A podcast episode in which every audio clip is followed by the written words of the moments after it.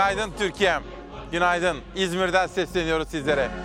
17 Haziran 2022 Cuma sabahında İsmail Küçükkaya ile Demokrasi Meydanı'ndan Türkiye'mize ve memleket hasreti çeken gurbetçilerimize dünyanın dört bir tarafına sesleniyoruz. Evet bugün İzmir'deyiz. 9 yıllık Fox'taki çalar saatimizin Ağustos'un sonunda başladığımız 10 aylık maratonun finalindeyiz bugün. Sezon finalindeyiz. Ve bir sürpriz kentte sürpriz konular, sürpriz manşetler ve sürpriz bir konukla gündemi şekillendirmeye, gündemi belirlemeye gayret edeceğiz. Bugün manşetimiz doğru söyleyeni dokuz köyden kovarlarmış. Biz yine de doğruyu söyleyelim de gerisi dokuz köyün meselesi. Bugünkü manşetimiz. Bilin bakalım bu manşet nereden çıktı? Bunları konuşacağız. Ana gündem maddemiz ekonomi. Motorine gelen zamlar, bir yılda yüzde 300'ün üzerinde gelen zam. Çiftçi, üretici, esnafı, beni, sade vatandaşı perperişan etti. Ekonomi bir numaralı gündem maddemiz. Üretici, çiftçi, esnaf bununla bağlantılı olarak. Bunun dışında dün Cumhurbaşkanı Erdoğan Türk İş Başkanı ile görüştü. Türk İş Başkanı Atalay gönlünden geçeni ve realite yani gerçekliği gündeme getirdi ve asgari ücretin enflasyona ezdirilmemesi karşısında atılması gereken adımları konuşacağız bu sabah. Bunun dışında sağlık çalışanlarıyla ilgili parlamentodan bir düzenleme geçti. Buna bakacağız. Bunun dışında kara para aklamakla suçlanan Sezgin Baran Korkmaz meselesinde bir karar çıktı. Önce Amerika'ya gönderilecek. Acaba bir anlaşma mı var? Bütün bunlara bakacağız. Siyaset, siyasetteki polemikler yine gündem maddemiz olacak. Cumhur İttifakı ile Millet İttifakı arasındaki seçim ve adaylık yarışı. Acaba aday kim olacak? Bütün bunları da izleyip göreceğiz. Bugünkü manşetimizi nereden aldık? Adalet ve Kalkınma Partisi'nin kurucularından Bülent Arınç majestelerinin gazetecileri dedi. Hava ne kadar güzel, çiçekler böcekler diyorlar dedi. Oysa dedi kral çıplak demenin tam zamanı dedi. Bunu da Bülent Arınç söyledi. Tatlı su balığı siyasetçileri var. Suya sabuna dokanmadan majestelerinin gazetecileriyle bazen baş başa gelirler. Havanın güzelliğinden, suyun berraklığından bahsederler. O sırada da bazı ufak tefek şeyler konuşurlar. Zannedersiniz ki bir şey söyledi. Majestelerinin gazetecilerine havanın güzelliğinden, suyun berraklığından bahsetmek yeterli değil. Öksürmenin zamanıdır, bağırmanın zamanıdır, kral çıplak demenin zamanıdır. Allah cesur olana izzet verir. Cesur olan izzet kazanır, itibar kazanır. Herkes arkasında bıraktığı izle gidiyor.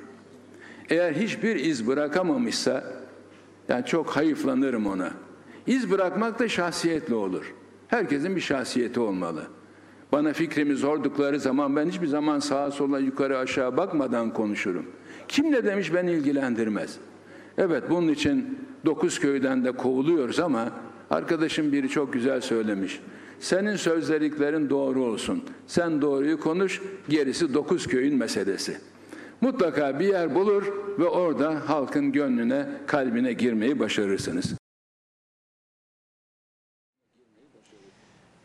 İzmir'den gündeme ilişkin manşetlerimiz olacak, konuklarımız olacak. İlerleyen bölümlerde sürpriz hazırlıklarımız olacak efendim. Ve bugün Sözcü gazetesine bakacağız şimdi manşet olarak. Bugünlerdeki parlamentoda gündeme getirilmiş olan basın yasası yalan haberle mücadele kapsamında olduğu belirtiliyor ama acaba hayatımıza neler getiriyor? Buyurun şimdi ekranlarınıza getirelim. Sözcü gazetesi. Bu yasa kabul edilirse dışarıda gazete kalmaz diyor. Şimdi ekranlarınıza yansıyor. İktidar seçim öncesi muhalif basını susturmak istiyor. Dezenformasyonla mücadele bahanesiyle hazırlanan teklifin 29. maddesi yanıltıcı bilgi yayma gibi gerekçelerle gazetecilere 3 yıla kadar hapis getiriyor. Muhalefeti, muhalif basını ve sosyal medyadaki eleştirileri susturmak isteyen iktidar 40 maddelik tartışmalı bir yasa teklifi hazırladı. Meclis Adalet Komisyonu'nda kabul edilen teklifin özellikle 29. maddesi özgür düşünce için tehlike saçıyor, sansür getiriyor. Bu madde yanıltıcı bilgiyi yayma, dezenformasyon, halk arasında korku ve panik yaratma gibi muğlak ve yoruma açık gerekçelerle gazetecilere 3 yıla kadar hapis verilmesini öngörüyor. Ayrıca yönetimini iktidarın atadığı basın ilan kurumunun yetkilerini artırıyor diyor. İşte bugün biraz sonra konuğuma Türkiye'nin demokratik kazanımları konusunda bu kazanım ve birikimlerin aşınması konusunda yaşadıklarımız. Bu basın yasası ile ilgili de soruları soracağım. Ama Bülent Arınç diyor ya, majestelerin gazetecileri havalardan, kurttan, böcekten bahsediyorlar diyorlar ya. Biz önce hava durumunu bir sunalım, ondan sonra akıp gidelim.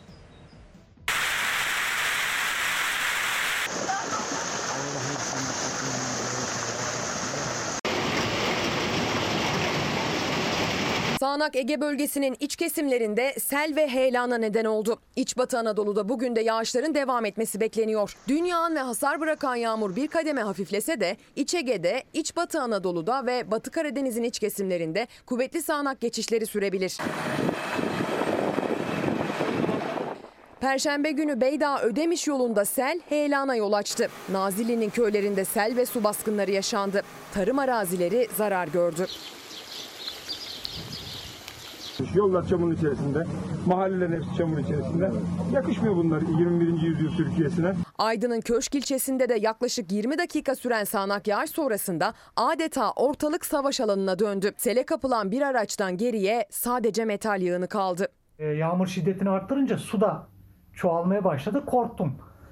Dedim alamam dedim. Zaten birkaç dakika içinde de sel geldi. Aracı 200-300 metre kadar sürükledi ve hurda haline getirdi. Denizli'nin Tavas ilçesinde aniden bastıran yağmur sonrası etkili olan dolu yağışı hayatı olumsuz etkiledi. Bazı evleri ve dükkanları su bastı. Yağış anında Denizlililer yolda yürümekte dahi zorlandı. Afyonkarahisar'ın ilçe ve köylerinde de afet yaşandı. Köylerde evler, ahırlar suya gömüldü. Ekili arazilerde sel önüne kattığını sürükledi. Gece saatlerinde Afyonkarahisar'da 3000 yıllık Firik uygarlığı eserlerinin de yer aldığı İhsaniye ilçesine bağlı Ayazini köyünü sel vurdu. Bölgede sel nedeniyle bir ev yıkılırken tarlada mahsur kalan 9 kişiyi AFAD ekipleri kurtardı. İnşallah yağ- yağışın artmadığı müddetçe de kontrol altına alınacağını ve mahsur kalan 8-10 kadar e, kardeşimizin de inşallah kurtarılacağını ve altına alınacağını inşallah e, burada öğrenmiş bulunuyoruz. Bugün de kuvvetli sağanak yağışın iç batı Anadolu'da etkili olması bekleniyor. Batı Karadeniz'le İç Anadolu bölgesinin sınırında başkent Ankara'nın kuzey ilçeleriyle Bolu, Karabük, Kastamonu çevrelerinde kuvvetli sağanak geçişlerine dikkat. İç Ege'de gün içinde yağış geçişi devam edecek bugün de. İç Anadolu bölgesinin kuzey illeriyle Karadeniz'in iç kesimlerinde yağış ihtimali var. Yağışlar günün ilerleyen saatlerinde etkisini göstermeye başlayacak. Cumartesi günü de yağışlar İç Ege'de ve Eskişehir, Konya çevrelerinde gelip geçici sağanaklar şeklinde görülecek. Her ne kadar yağış gün gün kuvvetini kaybedecek gibi görülse de sağanak geçişlerine karşı tedbir elden bırakılmamalı. Pazar günü çok daha hafif bir tabloyla yine Orta Anadolu'da yağış geçişi bekleniyor. Bugün ve hafta sonunda Orta Anadolu haricinde kalan kesimlerde güneş bol bol görülüyor. Güneydoğu Anadolu bölgesinde aşırı sıcaklar sağlığı tehdit edecek seviyeye ulaşıyor. Hafifleyerek süren yağışların ardından önümüzdeki haftanın ortalarından itibaren kavurucu sıcakların yurdu batısından itibaren etkisi altına alması bekleniyor. İzmir'den sizlere selam söylüyoruz. Gerisi 9 köyün meselesi. Biz doğruyu söyleyelim de dedik. Bakın İzmir'de hayat uyanıyor. Mavi bir kenttir. Ülkemizin yüz akı bir kenttir. İzmir'den sizlere seslenmenin mutluluk ve heyecanı içerisindeyiz. İsmail Küçükkaya ile Çalarsat ailesi olarak. Bu arada gençler sınava girecek arkadaşlarımıza, gençlerimize Hafta sonunda sınavları var. İçtenlikle başarılar diliyorum. Panik yok, kaygı yok. Çalıştınız, hazırlandınız. Ama bu sınav hayatınızın en önemli sınavı değil. Önemli ama hayatınızın en önemli sınavı değil. Dolayısıyla bir parça rahat olun. Stres yok. Ha ülkemizin geleceği konusunda kaygılanmayın. Sizler bilinçli yurttaşlar olun. Sınava girin. Demokrasi mücadelesini bizler vereceğiz. Türkiye iyiye gidecek. Bundan hiç kimsenin kuşkusu olmasın. Allah hafta sonunda sınava girecek bütün öğrenci kardeşlerime zihin açıklığı versin diyorum efendim. Şimdi yine aynı konudan basın özgürlüğü bağlamında Bir Gün Gazetesi'nin bir manşetini huzurlarınıza getirerek manşet yolculuğumuzu sürdürüyoruz. Buyurun. Herkes susacak, şahsım konuşacak diyor Bir Gün Gazetesi'nin manşeti. Gazetecilerin sadece görevini yaptığı için cezalandırılmasına yol açacak teklif Meclis Adalet Komisyonu'nda kabul edildi. Gözler Genel Kurul'da. Uzmanlar düzenlemeyi iktidarın seçime giderken tüm muhalif sesleri susturma ve korku iklimi yaratma çabası teklifin sınırları belirsiz sözleriyle değerlendirdi. Bugün Bir Gün Gazetesi'nin editörleri ve birinci sayfayı hazırlayan emekçileri Profesör Doktor Metin Günday'la konuşmuşlar. Seçim öncesi sansür hamlesi başlığını atmışlar. Profesör Doktor Yaman Akdeniz'de konuşmuşlar. Korku iklimi oluşacak demişler efendim. Şimdi sizlere bir soru soracağım.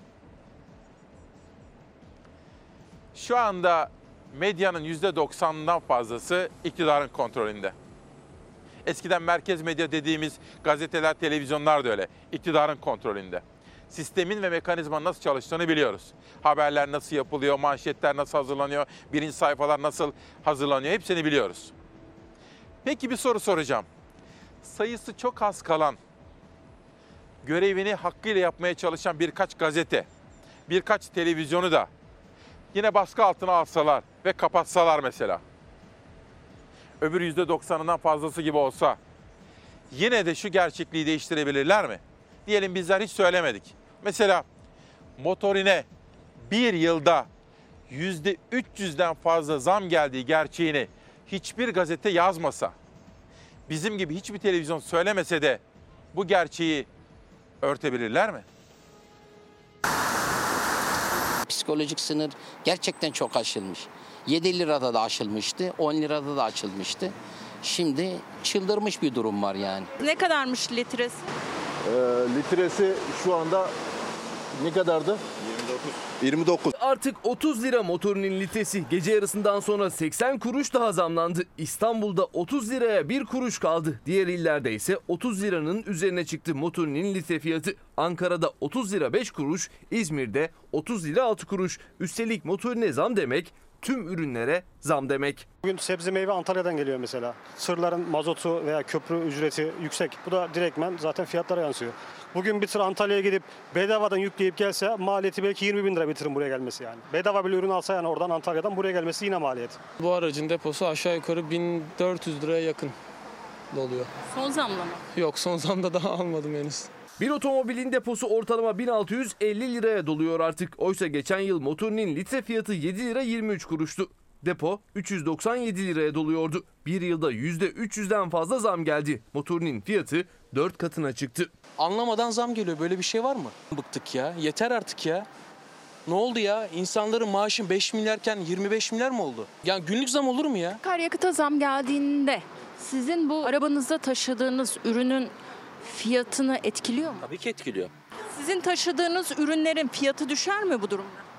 Yani düşmez. Evet. Her şey motorine bağlı genelde yani. Üreticide nakliyecide yüksek fiyatların yanı sıra bir de yüksek vergiyle karşı karşıya. Çünkü fiyat arttıkça motorinde alınan ÖTV ve KDV de artıyor. Gelen her zamda çiftçinin, nakliyecinin, satıcının sonunda da tüketicinin cebine zarar. Ne satıyorsunuz? Sarımsak. Sarımsağın fiyatını etkiliyor mu bu akaryakıtın fiyatı? Abla bu soru mu sizce? 20 liraya sarımsak satıyorum. 20 lira verip sarımsak alamıyor insanlar ya. Çanakkale İzmir tarafına gitmeyi düşünüyorum. Gidemiyorum. Mal elimden çıkarmaya çalışıyorum. Bırak karından falan vazgeçtim ben. Allah aşkınıza söyleyin. Şu güzel manzara içinizi açsın ama bir taraftan da söyleyin. Bu basın yasası geçerse, sansür yasası geçerse ve bağımsız ve tarafsız hakikat aşkıyla işini yapmaya çalışanlar görevlerini yapamaz hale gelirse bile Bu gerçek değişecek mi efendim? Bana söyler misiniz? Mesela bir ekmek 5 lira 6 lira. Bir ekmek 5 lira 6 lira olursa, bir simit 4 lira olursa şu İzmir'in güzel gevreği 4 lira 4,5 lira olursa, bir kalıp peyniri 80 liraya alırsam ben, mazot olmuş 30 lira. Hadi ben de susayım. Bir iki gazete var, bir iki televizyon var. Onlar da sussun. Düzelecek mi her şey? Eğer düzelecekse ben susayım. Bizler de susalım. Mazot olmuş 30 lira Türkiye'm. Savaş, Hilal hazır mısınız? Ver mehteri.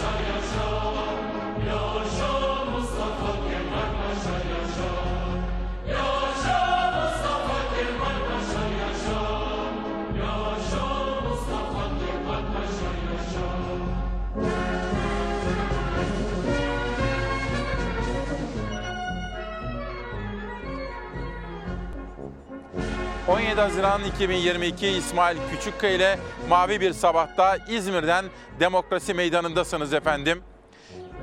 Gördüğünüz gündem maddelerini konuşacağız. Dün Türk İş Başkanı Sayın Atalay, Cumhurbaşkanı Sayın Erdoğan'la görüştü. Enflasyon nedeniyle, dolar kurundaki değişiklikler nedeniyle, başka pek çok husus nedeniyle, mazotun 30 liraya gelmesi, elektrik, doğalgaz zamları nedeniyle maaşlarımız eridi gitti. Bu konuya çözüm arıyorlar. Sırada bu konuda hazırladığımız bir haber var. Lakin önce buradaki yönetmenim Savaş'tan ve İstanbul'daki yönetmenim Hilal'den rica ediyorum ve Dünya Gazetesi'nin manşetini ekranlarınıza getiriyorum. Ben de sizler için seslendireceğim, okuyacağım. Buyurun. Küreselde faiz rallisi dolu dizgin, Türkiye ayrışıyor. Hani derler ya herkes gider Mersin'e, bizimkiler gider tersine. Öyle bir laf var ya. Bakınız. Fed'in yani Amerikan Merkez Bankası'nın 75 bas puanlık sert hamlesinin ardından birçok ülkenin Merkez Bankası da resesyon pahasına faiz yarışını hızlandırdı. Şimdi buradan dönün bana. Ben küçücük bir bilgi vermek istiyorum. Hepinizin bildiğini hatırlatmak istiyorum. Merkez bankalarının ve dolayısıyla ekonomi yönetimlerinin elinde bazı enstrümanlar vardır. Enflasyonla mücadele. Enflasyon çok kötüdür. Zengini zengin eder.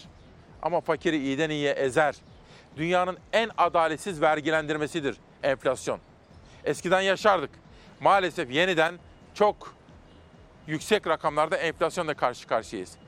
Dünyanın merkez bankaları da şunu bilirler ve uyguluyorlar.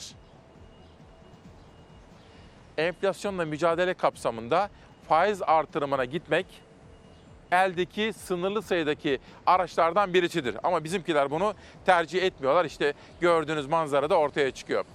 Şimdi dün Türk İş Başkanı Sayın Atalay ile Adalet Kalkınma Partisi lideri ve Cumhurbaşkanı Sayın Erdoğan arasındaki asgari ücretin revizyonu konusundaki görüşmenin detayını izlemeye geldi sıra. Gündemde ne var? Gündemde asgari ücret var. Şu emeklerin durumu var, EYT var. Yani ne varsa geçici işçiyle ilgili, taşeronlarla ilgili her konuyu A'dan Z'ye konuşma imkanı bulduk. Yani güzel, müsbet bir görüşme oldu. Cumhurbaşkanı dedi ben her şeyin farkındayım. Asgari ücrette ek zam beklentisini artıran Cumhurbaşkanı Erdoğan'la görüşen Türk İş Başkanı'nın bu sözleri oldu. Bir rakam konuşmadıklarını söyledi ancak ek zam olabileceğinin sinyalini verdi. Hangi noktaya geldik diye bir rakam konuşmadım oldu. İnşallah önümüzdeki günlerde de kamuoyuna müsbet bir haber verirler. %70'in üzerine çıkan enflasyonla milyonlarca çalışanın, asgari ücretlinin, emeklinin, memurun yılbaşında aldığı zamlar eridi, alım gücünü kaybetti. Erdoğan'ın kurmayları da bugüne kadar Temmuz ayını işaret edip bir düzenleme olabileceğini söyledi. Bununla ilgili Temmuz ayında e, emeklilerimizin, çalışanlarımızın gelirlerinin artırılması. Bu anlamda tabii asgari ücretliyle ücretle ilgili de çalışmalar bakanlığımızın önündedir. Bu çalışmalar yapılıyor. Bir an önce asgari ücreti güncelleyin. En düşük emekli maaşını da asgari ücret seviyesine çıkartın. Temmuz ayında bütün çalışanların yüzünü güldürecek bir düzenlemeyi de gerçekleştirecek durumda. Temmuz ayında enflasyon farklarıyla, Ocak ayında ücretlerdeki yeni düzenlemelerle milletimizin her kesimini daha da rahatlatacağız. Cumhurbaşkanı Erdoğan memurlar için kurduğu cümleler arasında asgari ücrette ek zamma değinmedi. Ancak Erdoğan'la AK Parti Genel Merkezi'nde görüşen Asgari Ücret Tespit Komisyonu'nda yetkili sendika olarak yer alan Türk İş'in Başkanı Ergün Atalay umutlu konuştu. Sayın Cumhurbaşkanımız ki önümüzdeki günlerde Çalışma Bakanı'yla bu işin taraflarından bir toplantı yapılacağını, bununla ilgili önümüzdeki günlerde bize yani bir haber vereceğini, asgari ücretlerin alım gücünün düştüğünü, der ve sabit gelirine alım gücünün düştüğünü, emeklinin durumunun ortada olduğunu, kamuoyunun bildiklerini, sizin bildiklerinizi A'dan Z'ye anlatma imkanı bulduk. Türk İş Başkanı her şeyi anlattım diye açıkladı görüşmenin detaylarını. Alım gücünün nasıl düştüğünü de. Anlatmam gerekenler noksansız anlattım. Yani bırakın Aralık ayını işte Haziran'ı bilen bulduğu zaman biz alım gücünü insanlar kaybetti. Asgari ücrete çalışanlara Temmuz'da ek zam olacak mı henüz net değil ama beklenti de umutlar da yüksek. Cumhurbaşkanı da bunlarla ilgili önümüzdeki günlerde çalışma yapıyoruz. Arkadaşlarımız çalışma yapıyor. Önümüzdeki günlerde bununla ilgili size de kamuoyuna da bilgi verir. Sizi çağırırız, konuşuruz dediler. İşte çalışma dünyasının beklediği önemli bir gelişme. Bu arada İzmir uyanıyor. Yeni bir güne başlıyorlar. Günün adı şu 17 Haziran 2022 günlerden cuma İsmail Küçükkaya Demokrasi Meydanı bugün sezon finalinde 9. yılımızı kapatırken İzmir'den sizlere sesleniyoruz. Ve biz doğruyu söyleyelim de doğru söyleyeni 9 köyden kovarlarmış. Biz yine de doğruyu söyleyelim. Gerisi 9 köyün meselesi dedi ya Manisalı Bülent Arınç. Etiketi oradan aldık. Gerisi 9 köyün meselesi diyoruz. Biraz evvel hafta sonunda sınava girecek kardeşlerimiz, kardeşlerimize başarı dileklerinde bulunmuştuk. Bir de vefa. Siyasetin babası rahmetli Demirel'i ölüm yıl döneminde saygıyla anıyoruz. Başta Isparta olmak üzere Süleyman Demirel'i sevenleri de buradan saygıyla selamlıyoruz. Sırada Cumhuriyet Gazetesi'nin manşeti var ve işte şimdi sizlere Cumhuriyet'in manşetinden ekonomiye dair sunacağımız bir haber. Buyurun. Çok şükür yoksullaştık diyor gazete. AKP Genel Başkan Vekili Kurtulmuş'tan itiraf. AKP 2002'de iktidara geldiğinde 1 lira 67 kuruş olan dolar kuru 17 liraya aştı. O zaman 1.66 lira olan avro şimdi 18 lira. Bir yandan Türk lirası erirken diğer yandan enflasyon yıllık %132.16'ya ulaştı. Bu tablonun AKP iktidarının bilinçli tercihi olduğu ortaya çıktı. AKP Genel Başkan Vekili Numan Kurtulmuş, katıldığı bir TV programında Türk lirasının değerini bilerek düşürdüklerini açıkladı. Kurtulmuş, eskiden Türk lirası çok değerliydi. Çok şükür bundan uzaklaştık dedi. Kurtulmuş'un bu sözleri başarısızlığın itirafı olarak yorumlandı denilmekte efendim. Saatler de 8.24'e doğru yol alıyor. Geçtiğimiz yıl Antalya'da, Fethiye'de, Marmaris'te Türkiye'mizin çok güzel bölgelerinde orman yangınlarıyla içimiz kavrulmuştu. O tarihlerde başarısızlığı da tescillenen bir Tarım Orman Bakanı vardı Sayın Pakdemir'de. Hepimizi inat etmişti. O güzelim Türk Hava Kurumu'nun uçaklarını çalıştırmadılar. Ve bunun için Sudan bin bir gerekçeler üretmişlerdi. O kadar üzülmüştük ki. Çünkü çocukluğumuzda kurban bayramlarında derilerimizi biz hep Türk Hava Kurumu'na vermiştik. Cumhuriyet Kurumu'ydu. Bakın bunlar uçmuyorlar. Antika bunlar, antika demişlerdi. Antikanın ne olduğu ortaya çıktı.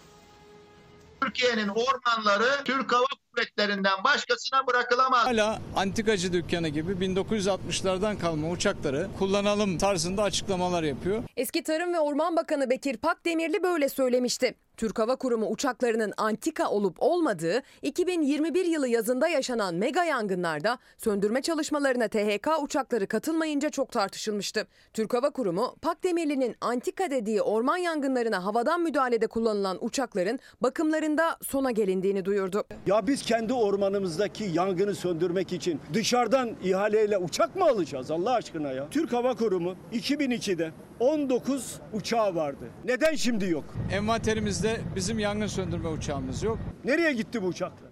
Geçen yılki orman yangınları sırasında Tarım ve Orman Bakanı olan Pakdemirli, muhalefetin Türk Hava Kurumu uçakları nerede sorusuna konu istismar ediliyor diyerek yanıt vermişti.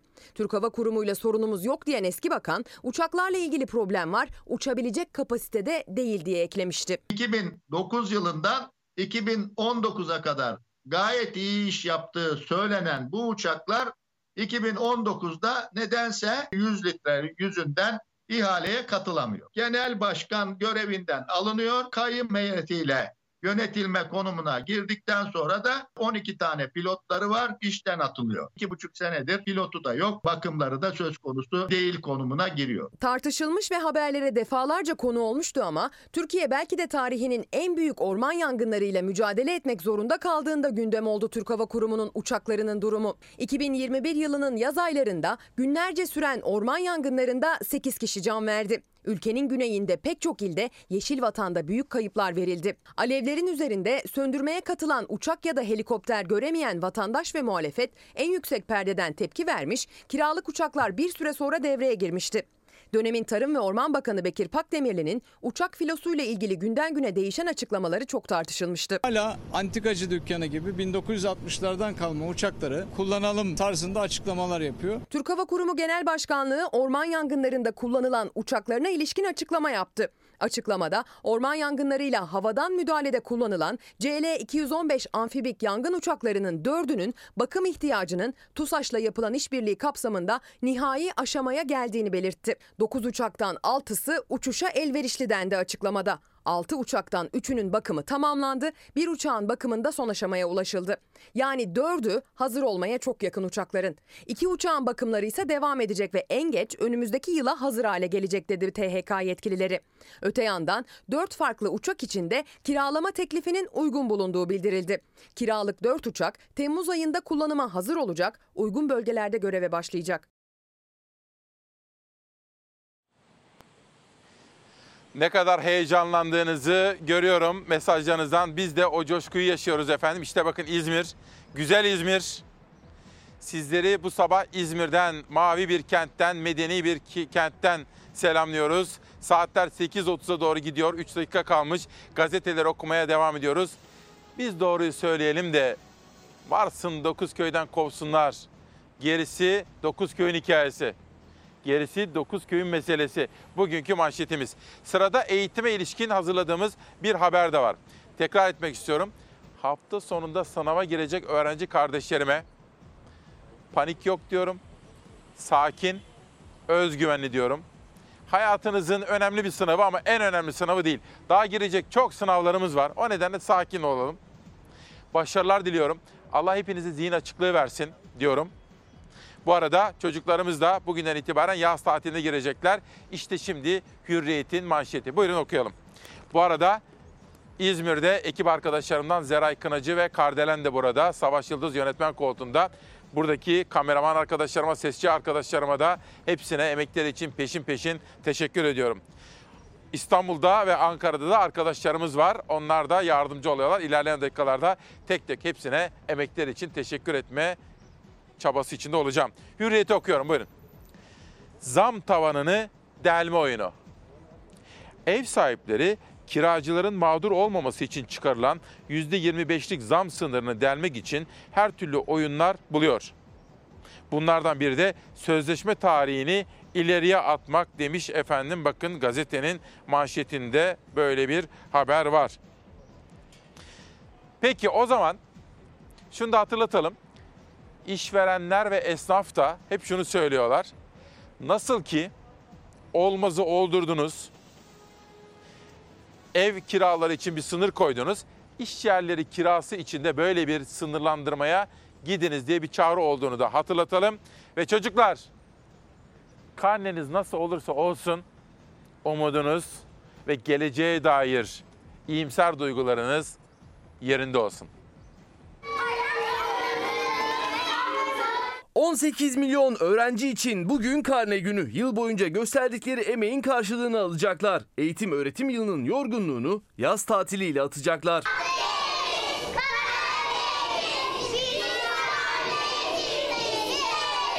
...2021-2022 eğitim öğretim yılının son günü bugün. Pandemi arasından sonra tamamen yüz yüze yapılan ilk eğitim yılı bugün itibariyle geride kalıyor. Yaklaşık 18 milyon öğrenci bugün karne alacak. Tatil onlar için başlayacak. Ortaokul son sınıf ve lise son sınıf öğrencilerinin ise heyecanı henüz bitmeyecek. Bu hafta sonu üniversitelere giriş sınavı yani YKS var. Milyonlarca öğrenci bu hafta sonu yapılacak sınavda ter dökecek. Bir değişiklik olmazsa YKS sonuçları 20 Temmuz'da açıklanacak.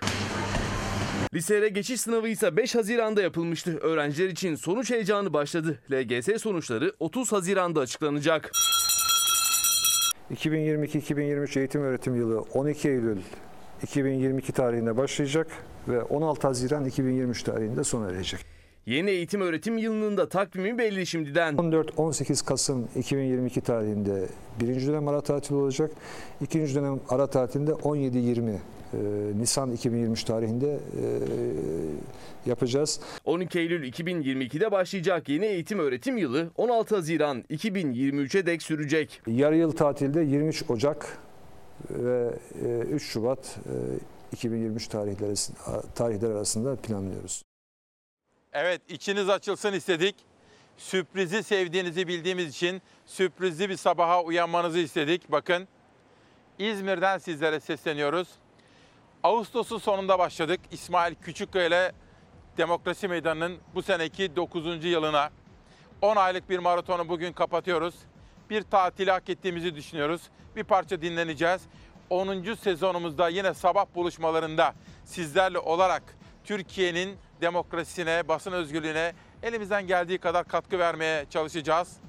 Onun için hem dinleneceğiz hem de hazırlanacağız efendim. Biz doğruyu söyleyelim, gerisi 9 köyün meselesi diyelim. Ve okullara ilişkin karne alacak çocuklarımız onlara dair bir haber sunmuştuk. Evrensel Gazetesi'nde de bu konuda bir manşet gördüm. Şimdi buradaki yönetmenim Savaş ve İstanbul'daki yönetmenim Hilal'den rica ediyorum. Evrensel'i huzurlarınıza, ekranlarınıza getiriyorlar. Ben de okuyorum. Buyurun. Otur, sıfır diyor. Eğitim öğretim dönemi sona ererken eğitim sisteminin karnesi yine kırıklarla dolu. Hafta sonu yapılacak YKS'nin geçmiş yıllardaki verilerde iç, içler acısı. Eğitimciler milli eğitimi sınıfta bıraktı diyor. Gerçekten de Adalet ve Kalkınma Partisi'nin 20 yıllık iktidarı sırasında bence yapboza döndürdükleri ve başarısız oldukları alan eğitimdir. Bunu üzülerek ifade etmek durumundayım. Çünkü o kadar çok bakan değiştirdiler ki ve değiştirdikleri her bakan bir önceki bakanın getirdiği sistemi sil baştan etti ki aynı tek parti iktidarında o kadar çok bakan, o kadar çok sistem değişti ki efendim. Hepimizin kafası karıştı. Ama çocuklarımızın yine umudu azalmasın.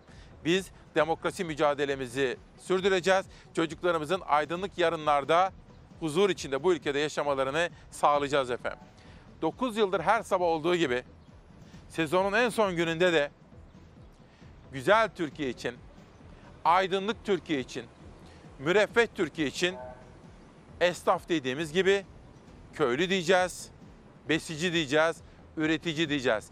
Bugün ve Allah sağlık verirse sonbahardaki 10. sabah buluşmalarımızda da ana felsefemiz böyle olacak. Üreten Türkiye. Bir devlet, bir çiftçinin arkasında durmuyoruz. Ya biz ülke olarak neyimiz var? Sadece bir tarımımız var. Üretim olarak bir neyimiz var? Bir tarımımız var. Bir tarımı da beceremiyorsak tabii. Yani yaşamanın da bir anlamı yok.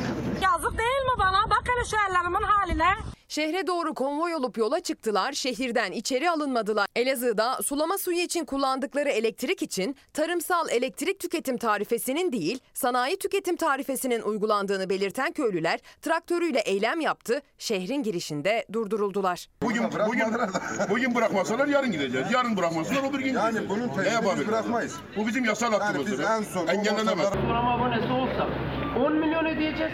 Sulama abonesi olmadığı için 13,5 milyon ödeyeceğiz.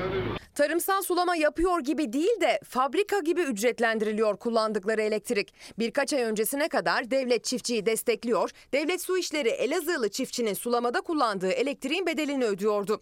Birkaç ay önce iptal edilen desteklemeden sonra gelen ilk faturada çiftçiler faturaların yüksekliğinden şüphelenip itiraz etti. Bu kadar çok geldi. Niye çok geldi dedim ben destekten şey istedim. Hele şu faturayı verin bana dedim. Faturayı aldım. Kardeşim biz bu faturayı niye ödüyoruz? Biz devlet olarak bu faturayı niye pahalı? Burası sanayi hattı değil ki sanayi değil ki. Yok tek terimmiş. Tek terim ise EPDK'ya bildirin. Zamanla yazışmalarınızı yapın. Bu işi çözün. Valilikle görüşen çiftçiler sorunun en kısa sürede çözüleceğine dair söz aldı. Malatyalı çiftçiler de devletten destek sözü istiyor. Çünkü onlar da dolu nedeniyle maddi kayıp yaşadı. Kayısıları don nedeniyle zarar gören çiftçilerin bu sefer de sebzeleri doluyla zarar gördü. Domates, kabak, patlıcan, biber, salatalık, fasulye hepsi zarar gördü. İki gün önce etkili olan kuvvetli sağanak yağış Battal Gazi'de doluya döndü. Önce don sonra dolu afetinden etkilenen Battal Gazili çiftçiler devletten gelecek bir destek beklerken zararlarının büyük olduğunu söyledi. Ne diyeyim vallahi kazandığım paranın üçte ikisini şekere yatırıyorum. 25 lira şeker kilosu olur mu? Ben bu fiyata bu kadar fazla şeker varken bu fiyata şeker almak istemiyorum. Şeker pancarı tarlasında CHP Niğde Milletvekili Ömer Fethi Gürer'e dert yanan tarım işçisi ise ülkemizde yeteri kadar üretim varken şekerin kara borsaya düşmesine anlam veremediğini anlattı. Torunla, çocuğumla burada emek veriyorum. Mücadele ediyorum. Çadırlarda yağmuru, tozu toprağı yiyorum. Sonra da çıkıp şekeri 25 liraya yiyeceğim. Niye bu kadar yetişen şeker nereye gidiyor? İşte bütün bunlar bizim ana felsefemiz efendim bu sene ve gelecek yılki ana felsefemiz. Bu arada bugün CHP lideri Kemal Kılıçdaroğlu demokrasi meydanının konu olacak. Şu anda bulunduğumuz konak bölgesindeki varyanta geldi. Kılıçdaroğlu kurmaylarıyla birlikte. Onu biraz sonra sizlerle buluşturacağım. Kendisine sormamı istediğiniz hangi soru varsa bana yazabilirsiniz. Başta ekonomi, tarım olmak üzere. Siyaset, adaylık. Dün Bülent Arınç'la tokalaşmadı mı gerçekten mesela? Dün Demokrasi Vakfı'nda neler oldu? Aday kim olacak? Seçim ne zaman olacak? Erdoğan dün bir şeyler söyledi yine. Dilim varmıyor ama onu da soracağım. Bütün bunları kendisiyle konuşacağız. Sabah gazetesinden İsveç'e ilişkin bir manşet şimdi geliyor. Okuyalım bakalım neymiş. İşte İsveç'in göbeğindeki Kandil diyor. Bu da Abdurrahman Şimşek imzalı bir özel haber. Türkiye'nin NATO üyeliğini veto ettiği İsveç'in başkenti Stockholm'de faaliyet gösteren PKK-PYD terör örgütünün inine girmiş gazetenin muhabiri Abdurrahman Şimşek. İsveç hükümeti NATO üyeliği alabilmek için PKK-PYD'yi uyarınca örgüt taktik değiştirdi. Örgüte finansal kaynak sağlayan ve daha kadrosuna eleman gönderen birçok merkez kapatılmış gibi gösterildi ve faaliyetlerini tek bir merkeze taşıyarak sürdürmeye başladı. Bu arada hükümete yakın bazı kalemler terör örgütü elebaşı Öcalan'a önümüzdeki süreçte görüş izni verileceğini yazıyorlar. Hatta hükümete yakın bazı kalemler önümüzdeki süreçte yeni bir takım çözüm sürecinin söz konusu olabileceğini yazıyorlar. Bu da son derece dikkate değer ve ben de notumu aldım efendim. Amerika, Rusya, Rusya'nın Ukrayna'yı işgali, buradaki Türkiye'nin pozisyonu ve dünyanın yaşadıkları. İşgal altındaki Ukrayna'nın başkenti Kiev'de diplomasi trafiği yaşandı. Dört ülke lideri Kiev'de Zelenski'yi ziyaret etti. Masada ateşkes için çözümler, Ukrayna'nın Avrupa Birliği üyeliği, tahıl ihracatında yaşanan kriz vardı. Fransa Cumhurbaşkanı Emmanuel Macron, Almanya Başbakanı Olaf Scholz, İtalya Başbakanı Mario Draghi ve Romanya Cumhurbaşkanı Klaus Werner Iohannis, Rus güçlerinin harabeye çevirdiği şehirlerden geçerek başkent Kiev'e ulaştı. İşgalin başından beri savaşı kınayan ancak özellikle enerji ve gıda konusunda Rusya'ya yaptırımlara karşı çıkan Almanya, Başbakan Scholz'un ziyaretiyle bugüne kadarki en büyük desteğini göstermiş oldu. Bindikleri trenle harabeye dönen şehirleri gören liderler Rusya'ya bir kez daha tepki gösterdi. Almanya Başbakanı gördüklerini vahşet olarak yorumlarken Fransa Cumhurbaşkanı Macron topraklarını koruyan Ukrayna halkı için onlar kahraman dedi. Dört lider de Ukrayna'nın yeniden inşası için gereken yardım yapacaklarının sözünü verdi. Ukrayna'nın Avrupa Birliği adaylığı da masadaydı. Dört ülke lideri de gereken şartlar sağlandığında Ukrayna'nın Avrupa Birliği üyesi olmasını desteklediklerini söyledi. 23 Haziran'da yapılacak zirvede üyelik şartlarının detaylandırılacağı vurgulandı. Gıda krizine dönüşen tahıl ihracatında Romanya devreye girdi. Romanya Cumhurbaşkanı Iohannis, Ukrayna'da üretilen tahıl ürünlerinin Romanya üzerinden ülkelere sevk edilmesi için daha çok görev üstleneceklerini ifade etti. Zelenski liderleri ağırlamadan önce Amerika Birleşik Devletleri Başkanı Biden'la görüştü. Ardından Biden, Ukrayna'ya yapacağı yeni yardım paketini açıkladı. 1 milyar dolar değerindeki yardım paketinde silah, mermi, kıyı savunma sistemleri yer alıyor.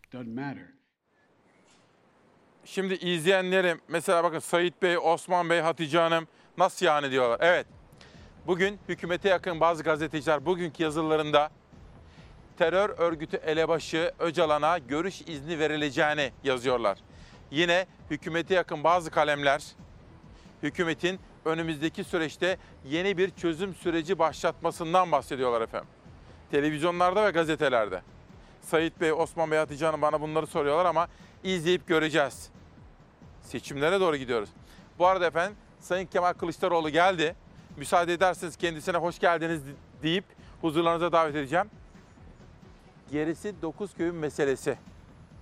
Sayın Kılıçdaroğlu'na sormamı istediğiniz ekonomi, asgari ücret, tarım, üretici, esnaf, adaylık, seçim, Sayın Arınç'ın söyledikleri, Sayın Erdoğan'ın ağır sözleri hepsini sorabilirim. Ne istiyorsanız.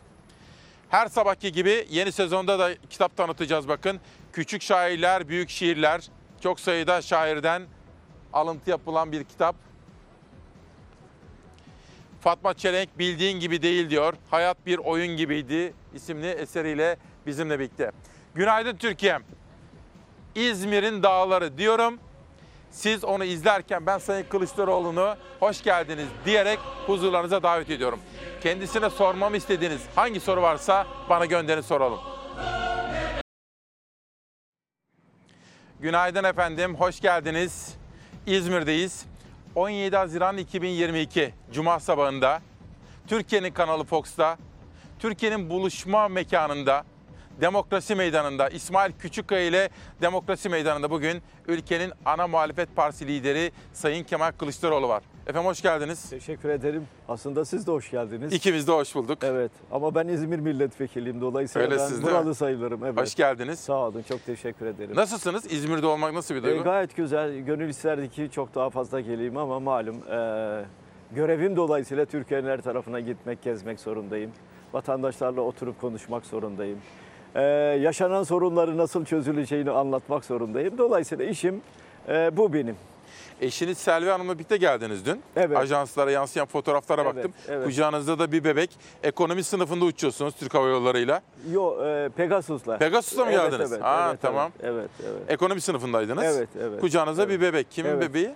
Ee, İzmirli bir ailenin geldi ama son derece sevimli, güler yüzlü, keyifli. Gazeteleri yutmaya çalışıyor, uğraşıyor, bir şeyler yapıyor. Çok Ee, sevimli olağanüstü fotoğraflar güzel yansıdı. bir şey. Evet, olağanüstü. Çocuklar Peki. öyle zaten. Efendim hoş geldiniz. Sizinle Hoş bulduk. konuşmak istediğim çok konu var. Tabii. İzleyenlerimden de sorular geliyor. Tabii. Burası Demokrasi Meydanı. Tabii. Şimdi dün siz de katıldınız Demokrasi Vakfı'nın toplantısına. Türk Demokrasi Vakfı. Evet, Evet. Türk Demokrasi Evet. Vakfı'nın toplantısında siz de konuşma yaptınız. Evet. Sizden önce de sonra da çok enteresan konuşmalar yaşandı. Öyle. Çok enteresan anlar yaşandı. Öyle. Ben tabii bu buluşma için bir taraftan mekan arıyoruz ekip Evet. arkadaşlarımla. Bir taraftan da böyle ajanslara yansıyanlara bakıyoruz. Evet. Hoppala Arınç'la tokalaşmada Kılıçdaroğlu diye bir haber gördüm. Evet. Şaşırdım. Hemen sizin basın danışmanınızı Ömer'i de aradım. Dedi ki abi hiç ilgisi yok dedi. Savaş hazır mıyız? İzleyelim. Tatlı su balığı siyasetçileri var. Suya sabuna dokanmadan majestelerinin gazetecilerine havanın güzelliğinden, suyun berraklığından bahsetmek yeterli değil. Öksürmenin zamanıdır. Bağırmanın zamanıdır. Kral çıplak demenin zamanıdır. Güzel bir konuşma yaptı Sayın Arınç. Bülent Arınç'ın dikkat çeken eleştirileri cümleleri CHP lideri tarafından da beğenildi. Burada onların hazır bulunması bir mazhariyettir. Hazır bulunmayanlar açısından da sadece üzülüyorum ve gittikleri yolun yol olmadığını söylüyorum. Keşke dedi. Diğer partiler de gelse buraya doğru.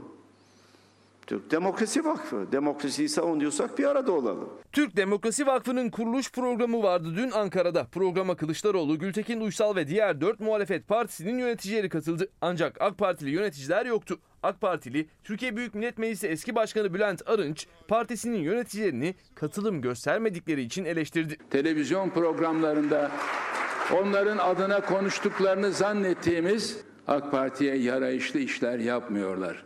Her konuşmalarıyla AK Partisi'ni daha aşağı da çekiyorlar. Arınç'ın altılı masa açıklaması da dikkat çekti. Altılı masa ve onların temsil ettikleri ittifak her biri benim katımda saygındır. Efendim keyifli bir toplantı oluyor. Bülent Arınç'ın AK Parti'ye eleştirileri damga vurdu konuşmasına. Ekip çalışması vurgusu yaptı. Erdoğan'ın milletvekili olamayacağı anlaşıldı. Dolayısıyla başbakan da olamayacak. Sizin başbakan adayınız kim? Ben Yaradan'a sığındım. Alın size 10 tane başbakan adayı dedim. Abdullah Gül'den başladım. Tabii o tarihte 10 tane isim verirken bu tarihte bir tane daha hiç olmazsa bir isim ver diyenlere veremiyorum. Devir böyle değişti.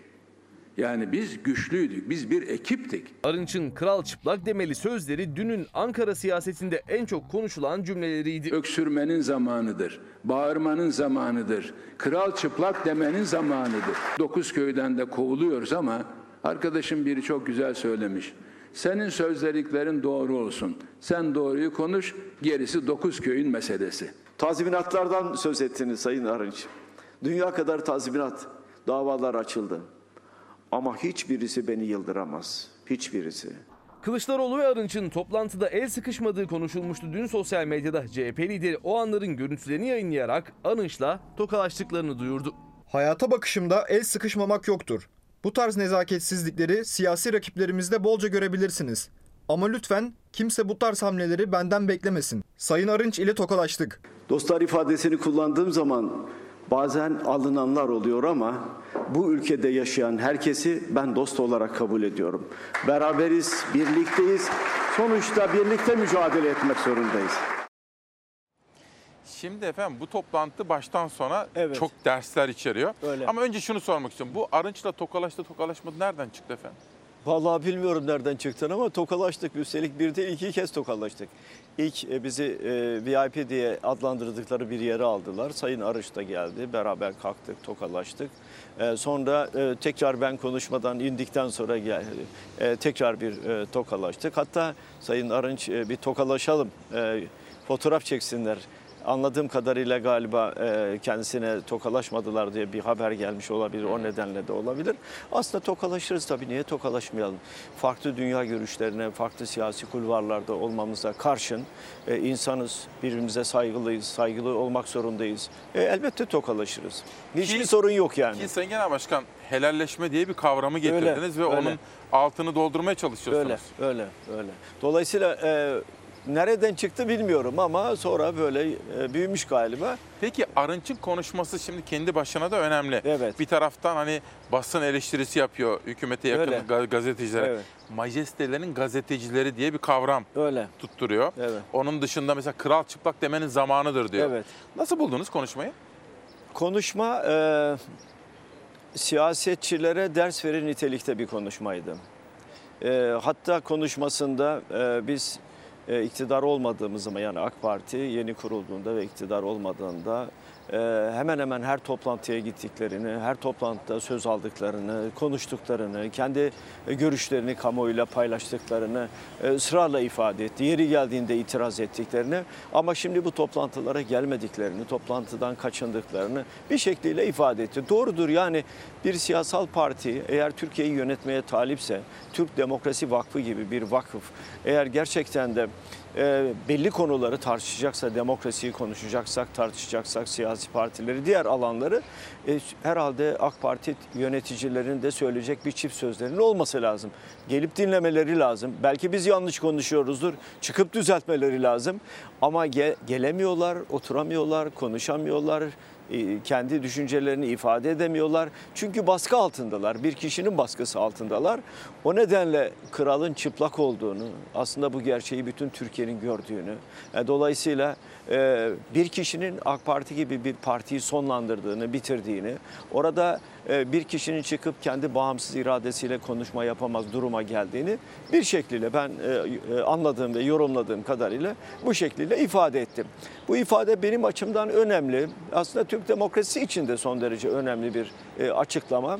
İktidar sahiplerinin bu ülkeye yaptıklarını çıkıp özgürce anlatmaları gereken e, alanlar, mecralar olduğu halde buralardan kaçınmaları, televizyon programlarına milletvekillerinin katılmalarının yasaklanmasını, onların yerine seçilmiş parayla tutulmuş insanların televizyon kanallarına çıkarılarak e, özellikle bazı gazetecilerin AK Parti'yi savunur noktaya gelmelerini, kendisini savunamayanları başkalarına sana para veriyorum, sen benim adıma beni savun diyor.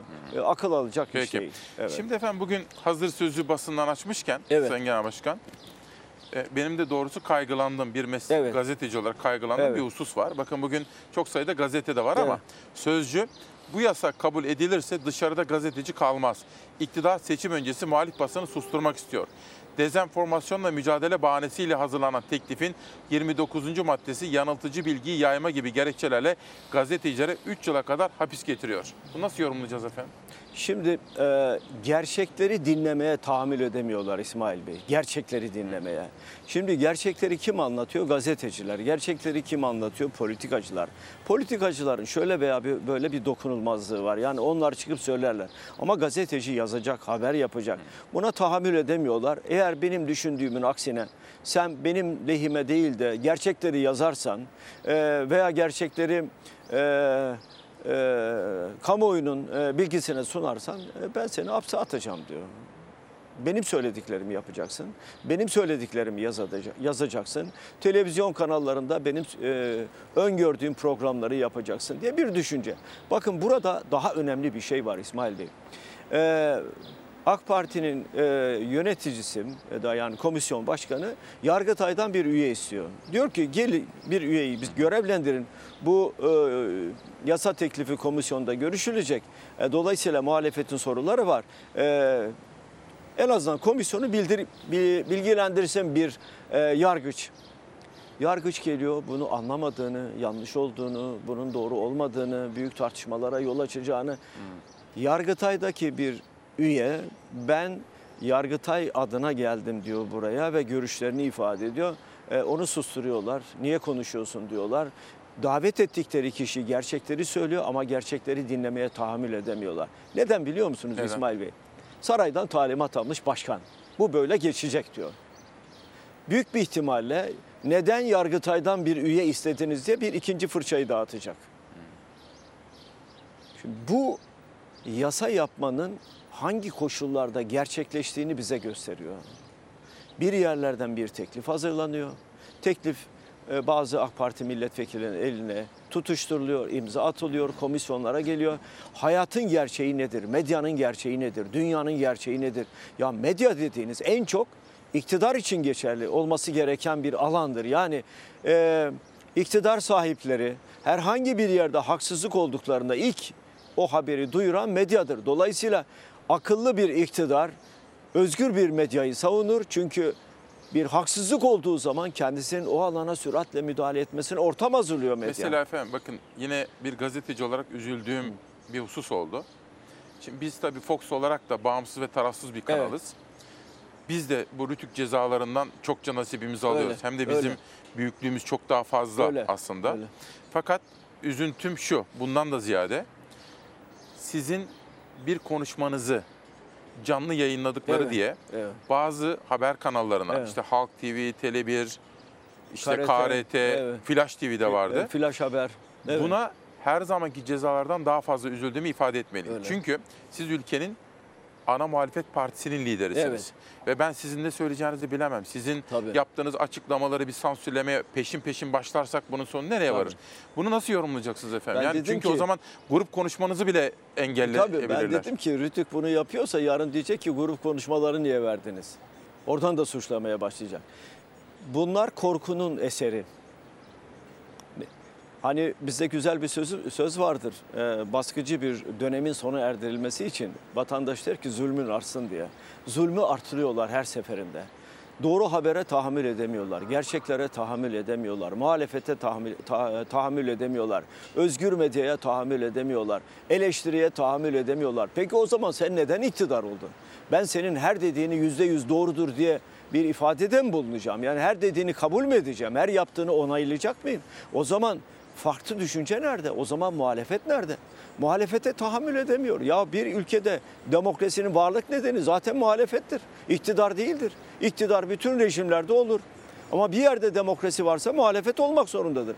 Muhalefete tahammül edemiyorsan, susturmak istiyorsan, özgür medyayı susturmak istiyorsan, yargıyı baskı altına almak istiyorsan sen zaten iktidar olamazsın ve o ülkede demokrasi olmaz. Sabah bir izleyenim sordu da efendim Evet. sözü ekonomiye getireceğim.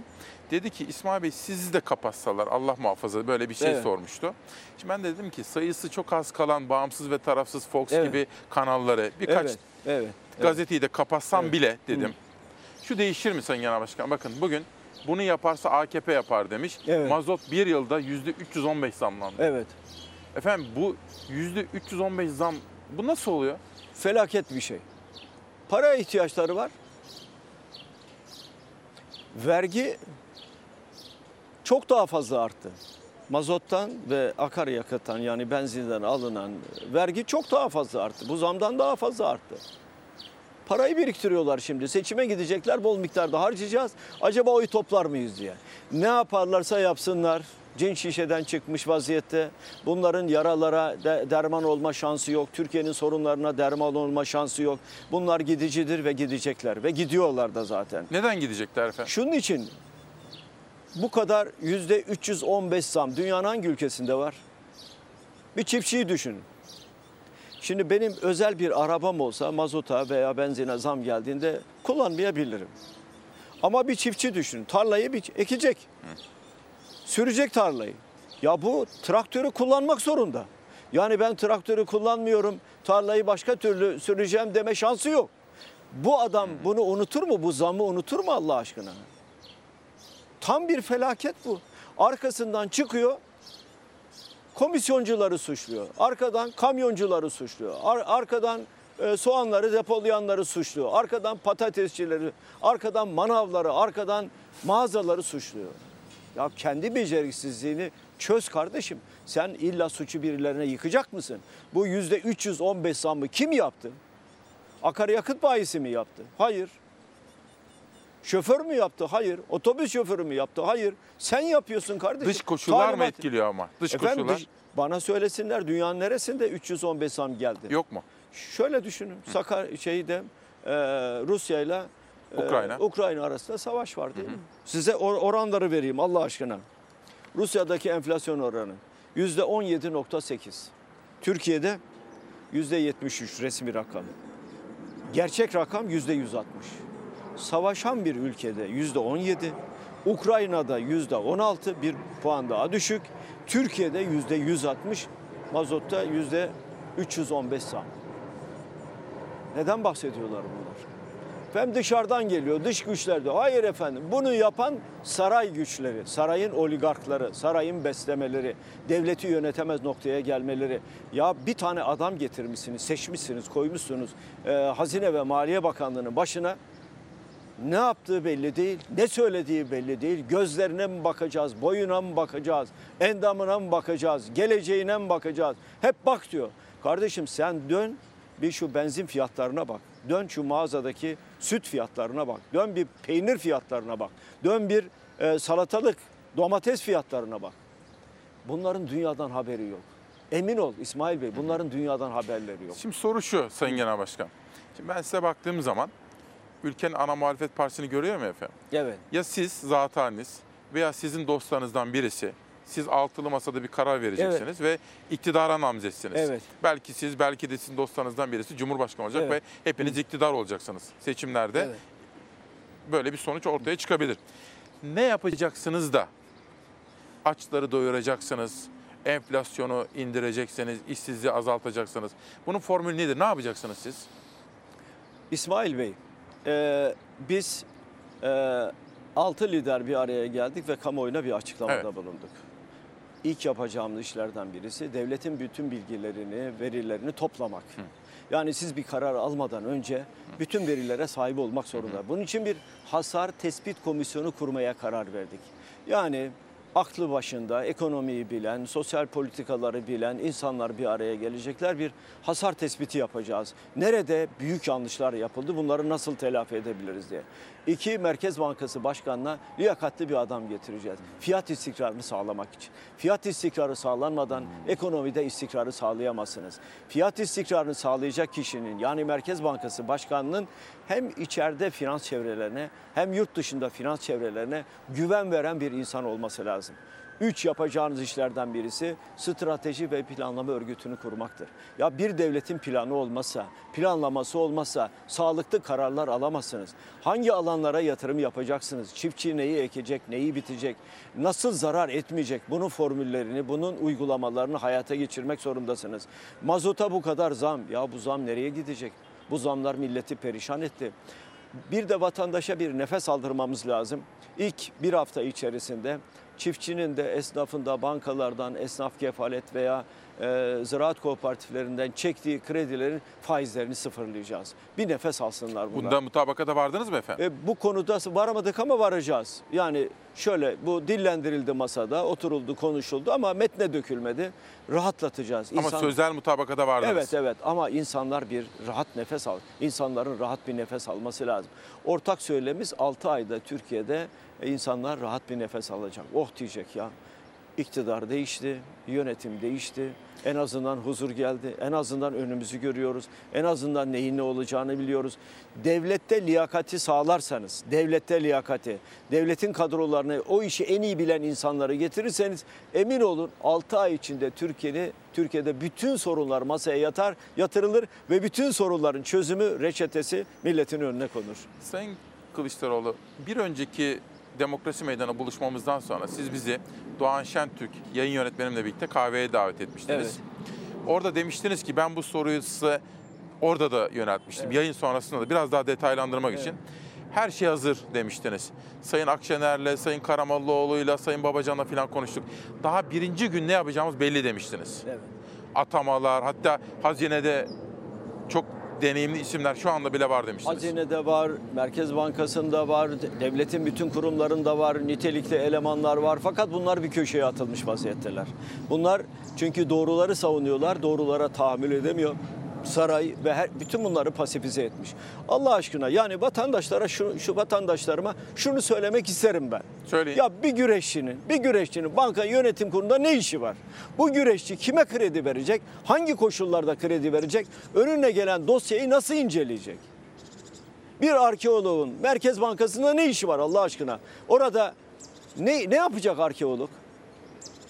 Ya bütün bunlardan, bütün bunların atamaları baştan sakat zaten. Baştan yanlış. Siz bankanın başına saygınlığı olan bir kişiyi getirirseniz ve derseniz ki bak Merkez Bankası Kanunu 4. maddesi diyor ki Merkez Bankası'nın temel görevi fiyat istikrarını sağlamaktır. Seni atadım kardeşim buraya. Senin araçlarına müdahale etmiyorum. Bana fiyat istikrarını sağla. Bitti. Emin olun kısa sürede fiyat istikrarı sağlanır. Niye sağlanmasın efendim? Elin oğlu yapıyor da biz mi yapamıyoruz? Faizler inecek. Ondan sonra bilmem istikrar sağlanacak. Ekonomi biliminin tam tersine, aklın, uygulamanın tam tersine, dünyadaki uygulamaların tam tersine faizi indirdim diyor. Ya faizi indirmek ekonomide istikrarı sağlamaksa sıfır yap kardeşim. Niye sıfır yapmıyorsun? Başına bela aldı geri adım atamıyor. Yanlış yaptı görüyor geri adım atamıyor. Dünya merkez bankalarında da şimdi faiz artırma eğilimi başladı. Hatta Çünkü FED o ülkelerde o ülkelerdeki merkez bankaları bağımsız ve fiyat istikrarının bozulmasını istemiyorlar.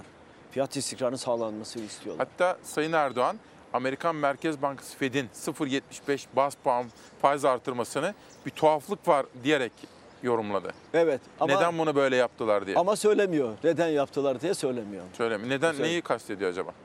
Şaşırmış. Bakın İsmail Bey, çok açık ve net söyleyeyim. Bütün vatandaşlarım duysunlar. Türkiye Cumhuriyeti devleti akılla yönetilmiyor. Ön yargıyla yönetiliyor. Akılla yönetilmiyor. Bilgiyle yönetilmiyor. Birikimle yönetilmiyor. Tamamen ön yargıyla, bir kişinin ön yargısıyla, bir kişinin egosuyla Türkiye Cumhuriyeti devleti yönetiliyor. Pek çok örnek verebilirim ben size. Yani ekonomiden söz ettik. Başka bir örnek vereyim. Verin. Ya ordusu olmayan, şey e, hastanesi olmayan ordu olur mu Allah aşkına ya? Ne demek o efendim? Türk Silahlı Kuvvetleri'nin hastanesi yok. Sağlık kuruluşları yok. Eski gatalar vardı. E, Gülhane gatalar vardı tabii. Akademi. Askeri hastaneler vardı. Olmalı mı yeniden? E, efendim dünyanın her tarafında var. Bizim de vardı. Ama geldi beyefendi. Ben kapatıyorum dedim. Kapattı. Ya hangi bilgiye göre kapattın sen bunu? Kim sana kapat dedi? Hangi gerekçeyle kapattın? Şanlı ordumuz diyorlar değil mi? Evet. E şanlı ordunun elini kolunu bağlamışsın. Suriye'de veya Pençe operasyonunda yaralanan pek çok asker geliyor. E bunların askeri hastanelerde tedavi edilmesi lazım. Bunlar sıradan yaralanma değil yani. Ekonomiden devam edelim Sayın Evet. Kılıçdaroğlu. Sizin altılı masadaki ortaklarınızdan üçüne sordum. Net olarak şunu söylediler. Evet. Bu kur korumalı mevduat Türkiye'yi iflasa götürür. Ali Babacan filan net olarak söyledi. Biz dedi iktidara geldiğimiz zaman bunu tamamen hemen kaldıracağız dedi. Siz de böyle düşünüyor musunuz? Evet evet. Şimdi bakın faizi indirdik diyor değil mi? Değil mi? Evet. Hangi faiz indi? Vatandaş gitsin kredi çeksin bakayım faiz inmiş mi inmemiş mi görsün. İndirdiği faiz şu. Merkez Bankası bankalara düşük faizde para veriyor. Bankalar bu düşük faizle aldıkları parayı götürüyorlar, hazine tahvili alıyorlar daha yüksek. Ve bankalar burada karlarını yüzde 200'lere 300'lere çıkardılar. Vatandaşa da yüksek faizle kredi veriyorlar. Hangi faiz indi? Erdoğan kimi kandırıyor? Erdoğan birilerine para kazandırıyor aslında. Birileri köşeyi dönsün istiyor aslında. Biz boşuna beşli çete demiyoruz. Olağanüstü avantajlar. 85 milyon insan bir avuç insana çalışıyor. Şu anda Türkiye'de 85 milyon insan hepimiz bir avuç kişiye Bir çalışıyor. daha sormak istiyorum. Buna döneceğim. Evet. Kur korumalı mevduat uygulamasını kaldıracak mısın? Kaldıracağız tabii. Derhal kaldıracağız. Ya birilerine büyük avantajları niye vereceğim ben devlet olarak ya? Milletin karnı doymuyor. Üniversitedeki öğrencinin karnı doymuyor. Kantinde yemek yiyor, karnı doymuyor. Ama yaklaşık 100-150 bin kişiye ben kalkacağım, olağanüstü faiz vereceğim onlara. Olağanüstü. Bir de verdikleri faizle vergiden muaf tutacağım. Peki. Ekmek alırken vergi verecek. Milyarları kazanırken 5 kuruş vergi vermeyecek. Peki bir soru daha. Man Adası geleneği bu biliyorsunuz. Nedir o efendim? Man Manadası Adası geleneği. biliyorsunuz. Yurt dışından paraları getirdiler. Devlete 5 kuruş vermediler. Milyon dolarla. Yeter ki getir diyor çünkü sistem. Hayır efendim akraba akrabayı taluk, kardeşi, özel kalem müdürü getirdiler paraları. 5 kuruş bile ver, vermediler. Kimin kardeşi? E, Erdoğan'ın. Erdoğan'ın. Man Adası'ndan. Man Adası'ndan geldi o paralar. Buradan önce e, Amerika'ya bildiriliyor. Şu kadar para hareketi var. Oradan para hareketleri banka hesabı içine geçiyor. Oradan Man Adası'ndan Türkiye'ye geliyor. Türkiye'ye geldiği zaman da vergi cennetlerinden geldiği için 5 kuruş para verilmiyor. Vergi verilmiyor. Şimdi siz bunları ifade ettiğiniz için Sayın Erdoğan size bir tazminat davası daha açar. Kazdık, kazandım. Açtı zaten bununla ilgili. Sonra davayı e, kaybettik. Hakimleri değiştirdiler. Sonra e, gittim Yargıtay'da bu davayı kazandık. E, Şimdi aşağıya geldi. Aşağıda hakimlerin ne yapacağını bilmem. Ama bu davanın hiçbir belgesi, hiçbir belgesi sahtedir veya yanlıştır diye bir cümle yok. Belgelerin tamamı doğru, tamamı Siz bankaların oradaki dekontları. iddialarınızın arkasındasınız hala. Elbette, elbette, elbette, elbette. Peki kur garantili mevduat kaldıracağız diyorsunuz ya. Evet. Bir de şimdi bizim işte köprüler var, otoyollar, hastaneler, oralara verilen garantiler var. Dün işte Zafer Havalimanı, benim memleketime yapılan Evet. ama uçakların gitmediği, inmediği, yolcuların gitmediği bir havaalanı. Sürekli müteahhit. Dünkü Evet. haberleri okudum. Sizin milletvekiliniz Deniz Yavuz Yılmaz yine ortaya Öyle. çıkarmış. 2.7 milyon euro yeni bir ödeme daha yapılmış Öyle. müteahhite. Şimdi bunları kaldıracak mısınız siz Kaldıracağız. ortaksanız öyle mi? Kaldıracağız. Şimdi bakın. e, Ama sözleşmeleri falan var da nasıl olacak? Onu da anlatacağım. Ee, arkadaşlar gidiyorlar e, köyün kahvesine bizim CHP milletvekili arkadaşlar.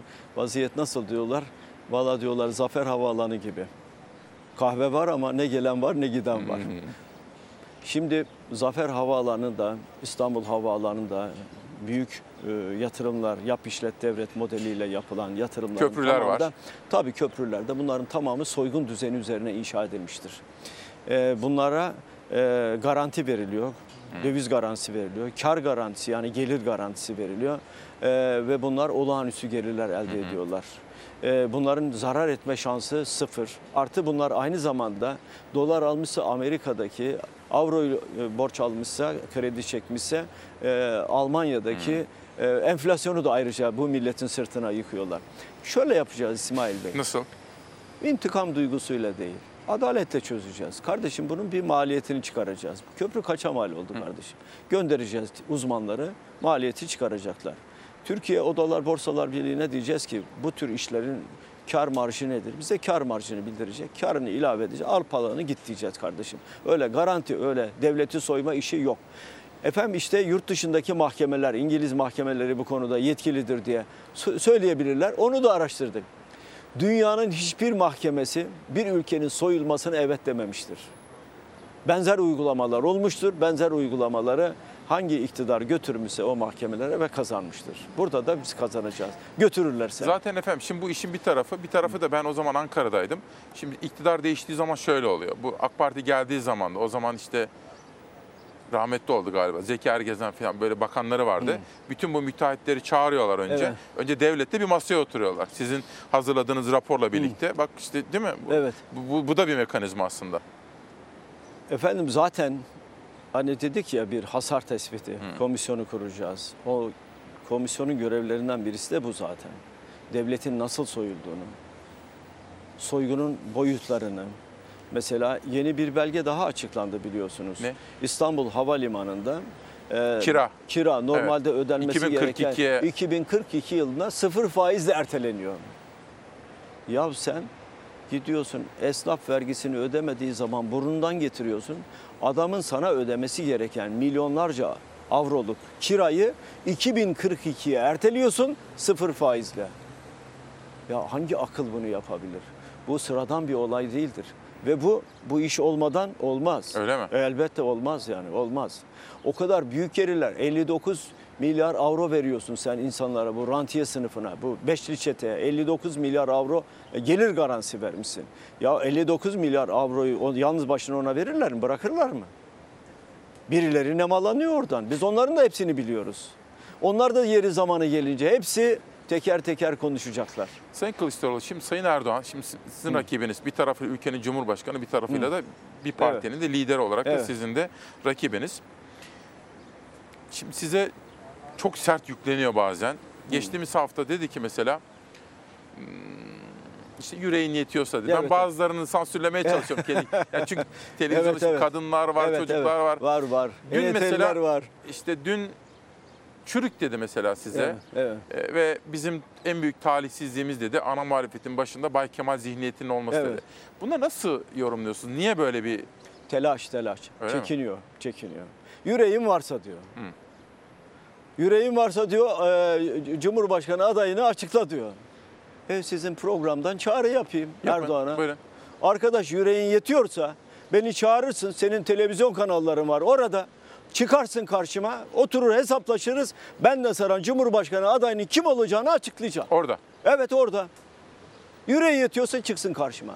Dışarıdan ne gazel okuyor? Niye gazel okuyor dışarıdan? Sen devletin bütün bilgileri senin elinde. Bütün veriler senin elinde. Haksızlık yaptıysak çıkarsın televizyonda beni mat edersin. Yapamaz. Cesaret edemez. Çünkü kirli birisi. Benim ne soracağımı gayet iyi biliyorum. ne soracaksınız? 10 tane soru sordum. Mesela 128 milyar doları kime sattın? Gayet basit. Açıkladım bunları da. Bu sorularıma cevap istiyorum dedim. O bana sordu, o bana sordu. Hepsine tık tık tık tık cevap verdim.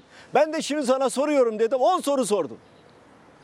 Bu CHP Genel Merkezi'nin aslında Evet, evet, evet. 128 milyar evet dolar. evet. Birisine bile cevap veremez. Veremez zaten, veremez. Başka ne var Devleti mesela soru yönetemiyor efendim. Devleti yönetemiyor. Bakın İsmail Bey, devleti yönetemiyor. Devleti yönetme gücü, kapasitesi yok artık. Niye saldırıyor? Niye? Bana saldırıyor bir ağız dalaşı yarat ya- yapalım ve dolayısıyla millet başka işlerle ilgilensin. Benimle Erdoğan arasındaki tartışmayla ilgilensin. Fiyat artışları, zamlar, şunlar, perişanlık, yoksulluk vesaire bunlar gündeme gelmesin diye. Arkadaş senin yüreğin yetiyorsa, cesaretin varsa toplarsın kadronu, çıkarsın televizyonda karşıma. Ben söz veriyorum tek başıma geleceğim. Tek. Tek başıma geleceğim. Sen bütün kadronu al. Nebatini de istiyorsan al. Başkalarını al. İstiyorsan rüşvet alan büyük elçilerini de yanına al. Kimi istiyorsan al. Mesela Ama hükümeti- çıkamaz, çıkamaz İsmail Bey. Çıkamaz. Cesareti yok, yüreği yok. Çünkü temiz adam değil. Ben kul hakkı yemedim. O yedi. Çıksın karşıma kul hakkını nasıl yediğini ben bütün milletin önünde ona göstereceğim. Bütün milletin önünde. Ama çıkamaz. Cesaret edemez. Dışarıdan okuyor. Oturuyor. Bütün il başkanlarını, ilçe başkanlarını çağırıyor. Beni alkışlayın diyor. Hep beraber alkışlıyorlar. Efendim işte yükleniyor. Kılıçdaroğlu şöyledir, Kılıçdaroğlu böyledir. Ya bana niye hakaret ediyorsun kardeşim? Ben senin seviyene düşmem. Bir sefer onu bilmesi lazım. Ben bu millete saygılıyım. Ben bu insanlara saygılıyım. AK Parti'ye oy veren insanlara da saygılıyım. Ben kimseye hakaret etmem. Niye hakaret edeyim? Benim düşüncem varsa çıkar düşüncemi efendi gibi anlatırım. Anlatıyorum da zaten. Söylüyorum da zaten. Yanlış yapıyorsun diyorum zaten. Ama o hakaret ederek çünkü bilgi yok, birikim yok. Yaptığı hataların farkında değil. Devleti yönetemiyor. Yönetme gücünü e, kaybetmiş vaziyette. Allah aşkına dur ben size bir şey okuyayım. O enteresan bir şey. Buyurun, Yani buyurun. bakın ülkemizde teknik olarak bir enflasyon değil hayat pahalılığı vardır. Yeni söylediğim. Ülkemizde teknik olarak bir enflasyon değil, yani enflasyon yok, hayat pahalılığı var. Ya bu TÜİK'in ne olduğunu da bilmiyor. Enflasyon rakamlarını açıklayan TÜİK. Ben değilim ki. Üstelik baskıyla rakamları küçük tut, düşük tut. İşçiye, memura, emekliye, dul yetime düşük aylık bağlayayım diye. Enflasyonla hayat pahalılığının ne olduğunu bilmiyor. Enflasyonla hayat pahalılığının ne olduğunu bilmeyen adam bir devleti yönetemez İsmail Bey. Bir devleti yönetmeye kalkarsa bu hale gelir. Siz devleti yönetiyorsanız enflasyon nedir? Pahalılık nedir? Bunları bileceksiniz. Hayat pahalılığı nedir bileceksiniz. Vatandaşın çektiği ızdırabı bileceksiniz. Aldığınız kararların yanlış olup olmadığını bir şekilde birilerine, aklı başına birilerine Peki. soracaksınız. Şimdi efendim biliyorsunuz biz Fox Türkiye'nin kanalı ve bizim özgürlüğümüzün teminatı bağımsızlığımız. Evet. Onun için de bizim halkımızın bizi izlemesi, teveccühü. Sizin Roy- bağımsız olmanızı onlar sindiremiyorlar çünkü kamu bankaları size reklam hiç vermiyor. ne sadece Tabii. ne kamu bankası. Tabii. Milli olan hiçbir devletimize ait Evet. olan hiçbir şirket bize reklam falan vermiyor. Vermiyor, evet. Ama biz halkımızın Öyle, teveccühüyle onun öyle. için bir reklamlara gideceğiz. Tabii. Değerli izleyenler reklamlardan sonra ana muhalefet partisi lideri Sayın Kılıçdaroğlu'na Erdoğan İzmir'de söylemişti. Güzelbahçe'de adaylığını açıklamıştı. Aday mısınız diye soracağım. Seçim ne zaman diye soracağım. Akşener'in dün Aytun Çıray'ın gündeme taşıdığı bir iddiası vardı. Erdoğan üçüncü kez aday olamaz diye bir mesele var ya. Sayın Kılıçdaroğlu'nun buradaki tutumunu soracağım. Akşener'in yaklaşımlarını. Ve ekonomiye dair de başkaca sorularım var. Bir de SBK sorusu. Ondan sonra Sedat Peker sorularını da Sayın Kılıçdaroğlu'na soracağım. Ama önce reklam molası.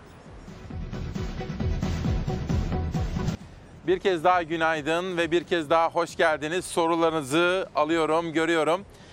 17 Haziran 2022 Cuma sabahında İsmail Küçükkaya ile Demokrasi Meydanı'nda 9. yılımızda Fox'ta ve Ağustos'ta başladığımız 10 ayı geride bıraktığımız maratonumuzda Türkiye'nin kanalında, Türkiye'nin Demokrasi Meydanı'nda ana muhalefet partisi lideri Sayın Kılıçdaroğlu ile sohbetimiz devam ediyor. Arada gelen telefonlar, mesajlar oldu, uyarılar oldu, eleştiriler hepsini de dikkate alıyoruz. Ama şimdi çok merak ettiğim birkaç hususla başlıyorum. Biraz sonra da dün sabaha karşı mecliste geçen sağlıkçılarla ilgili haber, düzenleme ne getirdi ne götürdü onu da hazırladık. Kılıçdaroğlu'na soracağım. Sayın Kılıçdaroğlu en çok gelen soru. Bir, Evet. seçim ne zaman? Ee, büyük bir olasılıkla erken seçim yapacaklar. Çünkü ülkeyi yönetemiyorlar. Artık bundan sonra geçen her günün toplum üzerindeki maliyeti daha fazla olacak. Hayat pahalılığı daha fazla olacak. Ee, faizler daha fazla yük- yükselecek. Göreceksiniz yani felakete doğru gidiyoruz aslında. Ben samimi olarak, ülkesini seven bir insan olarak e, güçlendirilmiş bir parlamenter sistemle bütün bu sorunların çözüleceğine inanan birisi olarak bir an önce sandığa gidilmeli, milletin takdiri e, yine e, ortaya konmalı, sandıklar açılmalı, millet kimi iktidara getirmek istiyorsa getirsin ve bu iş çözülsün. Erdoğan'ın bu sorunları çözme şansı da yok, kapasitesi de yok, bilgisi de yok, birikimi de yok. O zaman hemen seçim mi diyorsunuz? E, en kısa zamanda seçime gitmesi Mesela sonbahar, lazım. Kasım diye bir E, tarih. Kasım'da olabilir tabii. Kasım'da olabilir. Hazır mısınız? Biz yarın seçim olsa yarın bile seçime hazırız. Bütün vatandaşların bunu bilmesini isterim. Sandık güvenliğinden tutun, seçim bildirgelerine kadar, projelerimize kadar hazırız. Zaten uzun süredir hazırlıklarımızı da yapıyoruz. Millet e, ittifakı da buna hazır. Diğer partiler de hazır. Biz millet masası olarak, altılı masa olarak hazırız. Bir an önce gelsin. Çünkü benim taşıdığım kaygıları Sayın Akşener de taşıyor. Sayın Davutoğlu da taşıyor. Temel Bey de taşıyor. Yani aynı kaygıları Babacan zaten. çok kaygılı. Evet. Ekonomik olarak da çok kaygılı. Evet. Adeta şuna benzetiyor Evet. efendim. Bu ekonomideki gelişmeleri uçak gidiyor. Sistem alarm veriyor diyor. Dağ Evet. var orada dağ Evet. çarpacağız böyle giderse diyor. Aynen Katılıyor öyle. musunuz? E, katılıyor. Görüyoruz zaten bunu. Görüyoruz. Dış güçler, dış güçler diye bir e, terane tutturmuşlar. Ne dış gücü ya? Ne dış gücü? Eğer dış güç sana yüzde 315'lik bir enflasyonu zorunlu kılan bir politika izliyorsa e, sen içeride ne yapıyorsun? Peki Sen ne yapıyorsun içeride? Erken seçim diyorsanız ya Sayın Genel Başkan. Erken seçim olursa Sayın Erdoğan aday olabiliyor. Evet. Zamanında olursa E, zamanında olursa normalde eğer yasalar uygulanacaksa e, Erdoğan'ın aday olmaması lazım. Anayasa açık. Bilim insanları söylüyor. Anayasa hukukçuları söylüyor. Hukukçular söylüyor. Böyle diyor. Ama O YSK'ya gider. O nedenle Böyle bir şey olursa. e, o nedenle büyük bir ihtimalle erken seçim olacak. Yani bu gerçeği Erdoğan bilmiyor mu? Erdoğan da biliyor. E, Bahçeli de biliyor. Herkes biliyor bu gerçeği zaten. Şimdi dün Aytun Çıray'ın Uğur Dündar'a yansıyan sözleri olmuştu. Evet. Ee, Şöyle, Erdoğan, Temel Karamollaoğlu açık bir şekilde şunu söylüyor. Seçim zamanında yapılırsa Erdoğan üçüncü kez aday Evet. olamaz deyince Evet.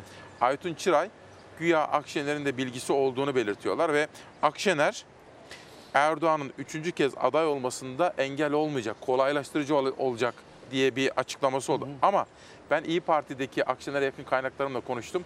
Hiçbir şekilde Akşener'in görüşünü yansıtmıyor E, Sayın, diyorlar. Sayın Akşener e, Türkiye'nin gerçeklerini en iyi bilen politikacılardan birisi. E, dolayısıyla Türkiye'nin gerçeklerini biliyor, hukuku biliyor. E, güçlü danışmanları, iyi bir ekibi var e, Sayın Akşener'in. E, dolayısıyla Akşener'in bu konudaki açıklamaları e, temelini hukuka, temelini adalete dayandıran açıklamalar. Öyle Sayın Akşener'in açıklamalarını kabul etmek gerekiyor. Şimdi Sayın Kılıçdaroğlu seçim güvenliği dediniz ya biraz Evet. evvelki sorumu yanıtlarken. Şimdi siz çok çarpıcı bir hamle yaptınız. Bir cuma Evet. günü Evet. ansızın Evet. gazetecileri de atlattınız. Birkaç danışmanınız, birkaç Evet. milletvekilinizle birlikte Sadat'ın önüne gittiniz. 30'un üstünde milletvekiliyle. 30'un üzerinde Evet, milletvekiliyle gittiniz. Bu aslında geçtiğimiz yıl çok gündem olan Sedat Pekin açıklamalarından sonra da Evet. çok konuşulmuştu. Hep- Hepimiz de böyle Evet, dehşet içinde evet. izlemiştik Sedat Peker Evet. bunu gündeme getirince o günlere ilişkin. Seçim güvenliği konusunda kaygılarınızı giderecek bir karara, bir yol haritasına vardınız mı altılı parti olarak? Seçim güvenliği konusunda bir komisyon kurduk. Bu komisyonda bir genel başkan yardımcısı bir de güvenlikçi oluyor. Yani 6 kişiden değil 12 kişiden oluşan bir seçim güvenliği komisyonumuz var. 6 güvenlikçi, 6 da e, siyasetçi olmak üzere. E, Güzel çalışmalar yapılıyor. Çalışmalar şu anda da devam ediyor. İlk sonuçlar e, yapıldı. Seçim güvenliği konusunda nelerin alınması gerektiği e, belirlendi. Seçim öncesi, seçim sırası, seçimden sonra olmak üzere her bir aşamada e, sandık güvenliğini, seçim güvenliğini nasıl sağlarız diye e, çalışmalar yapıldı. Bu konu kamuoyuyla da paylaşıldı. Buradan bütün vatandaşlarıma seslenmek isterim. Buyurun. Benim bütün vatandaşlarımdan beklediğim sadece şu. Seçim günü sandığa gidin. Elinizi vicdanınıza koyun ve oyunuzu kullanın. oyların sayılmasından, sandık oylarında herhangi bir olay olmayacağından ya da doğrusu sandık e, oy kullanılırken bir olay olmayacağından bu konuda güvenliği sağlayacağımızdan emin olmalarını isterim. Biz de bunu sağlayacağız. E, Millet İttifakı'nın bileşenleri de bunu sağlayacak. Bizim dışımızdaki siyasi partiler var. Onlar da büyük bir olasılıkla e, bu konuda duyarlılıklarını ortaya koyacaklar. E, Dolayısıyla sandığa gitmeliyiz, oyumuzu kullanmalıyız.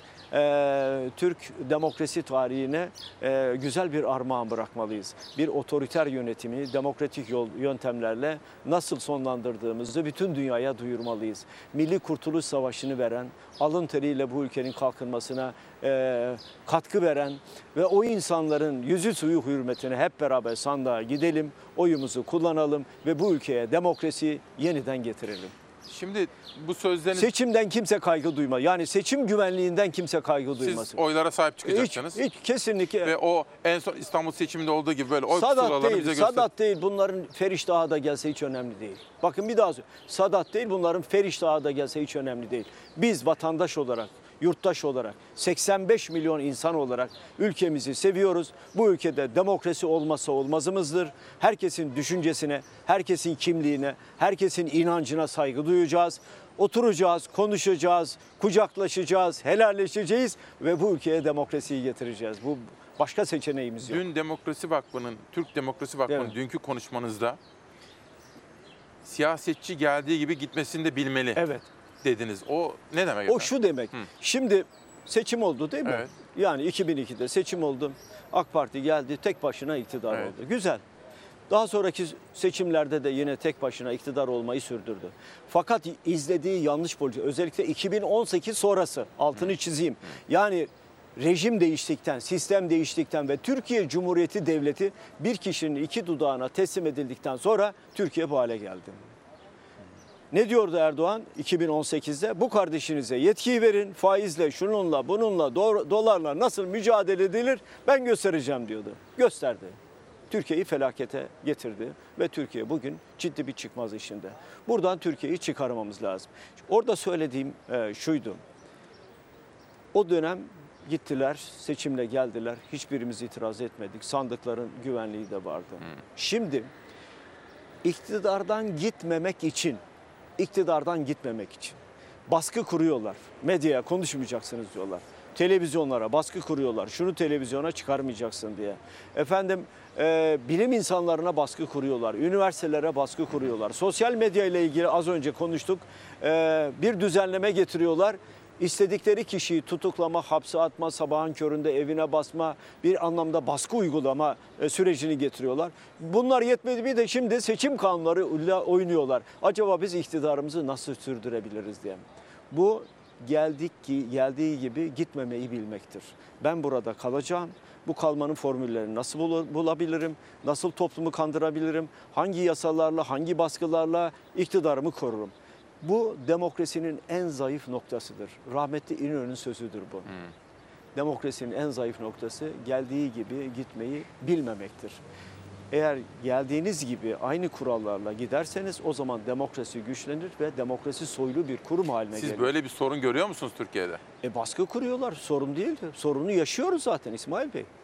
Medyaya baskı var mı? Var. Şimdi bu seçim Şimdi ben söyledim, Ama iki gazete. Şöyle, peki, şimdi şöyle. Bu söyledikleriniz seçim sürecine ilişkin. Ki zaten seçim sürecinin sertleşeceği falan malum ortada aslında. Ama seçimde Erdoğan yenilirse, Evet. AK Parti yenilirse iktidarın el değiştirmesinde bir sorun olur mu? Hiçbir sorun olmaz.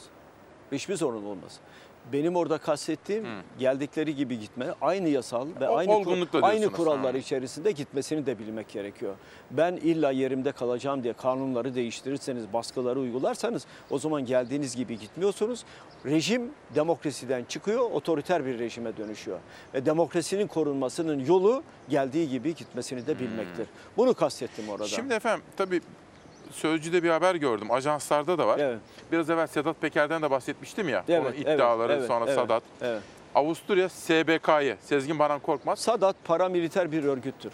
Sadat paramiliter bir Ne örgüttür. demek paramiliter bir Paramiliter yer altında çalışan, elinde silahı olan ve Erdoğan'ın koruması altında olan, bir daha ifade edeyim. Erdoğan'ın koruması Erdoğan altında. yalanladı bunu ama. Ben Benim de- dedi bir görüşmem Ben de bir tweet attım, e, tweet attım. Sadat liderinin e, devletin en mahrem bilgilerinin konuşulduğu bir ortamda e, aynı masada olduğunu. Külliyede. Erdoğan, külliyede aynı Erdoğan masada dedi ki evde değil külliyede E, görüştüm. dedi. külliyede gör. Ne işin var? Bir devletin cumhurbaşkanı, paramiliter organlarla ne işi var? Sadat'ın özelliği ne biliyor musunuz? Sadat, Türkiye Cumhuriyeti Devleti'ni kaldırmayı taahhüt eden bir devlet.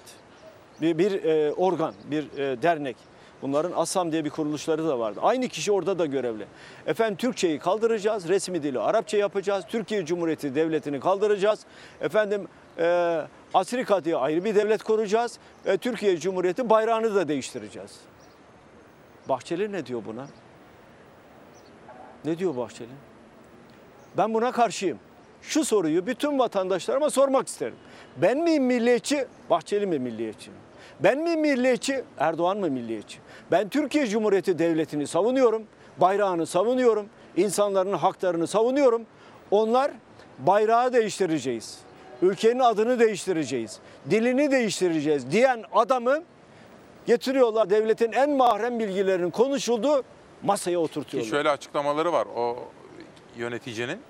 Tanrı verdiydi yanılmıyorsam. Evet. 15 Temmuz'dan sonra özellikle Türk Silahlı Kuvvetleri'nin organizasyonu konusunda bizim tavsiyelerimiz dikkate Aynen uygulan- alındı. Aynen uygulandı uygulandı. dedi. Tabii. Evet. Bu ne demekse? Evet.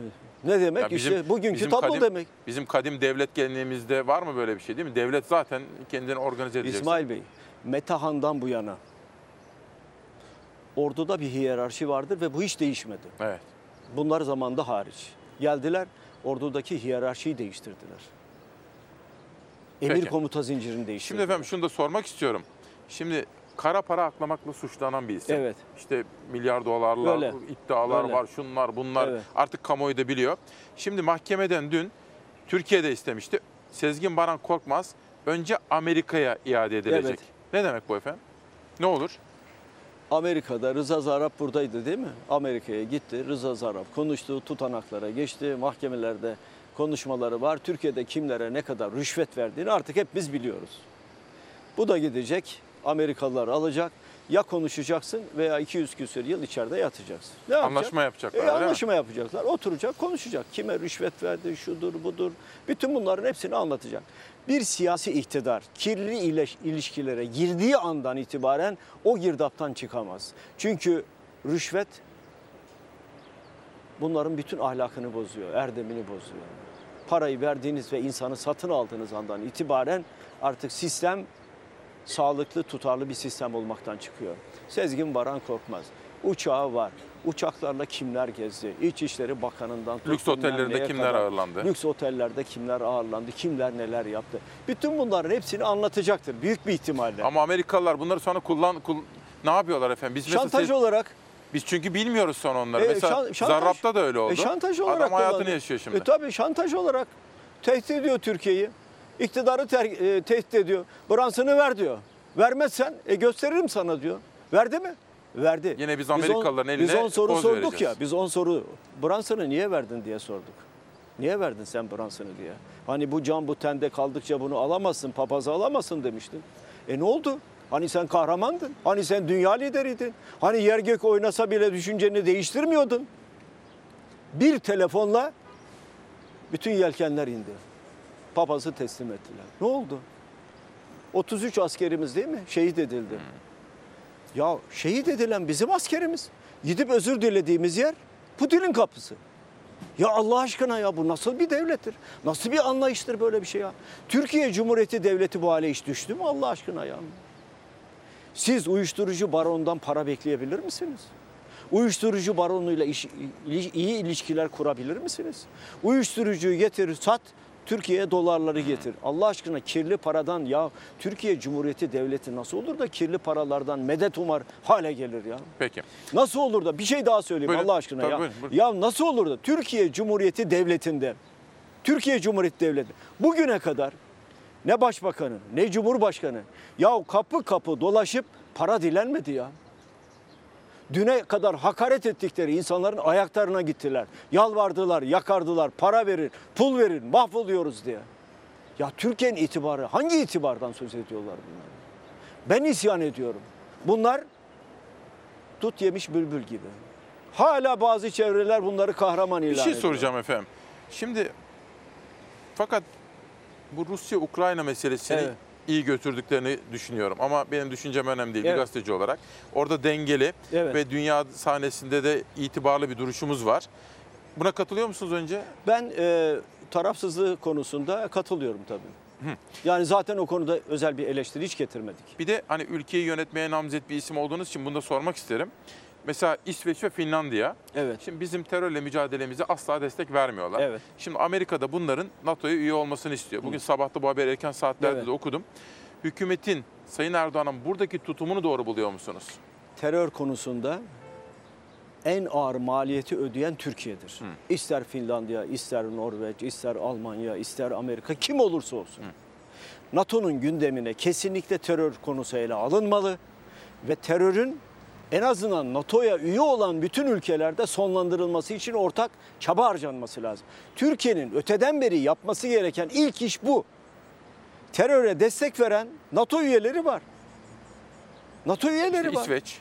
İsveç, evet. Norveç, evet. Bütün bunlar var.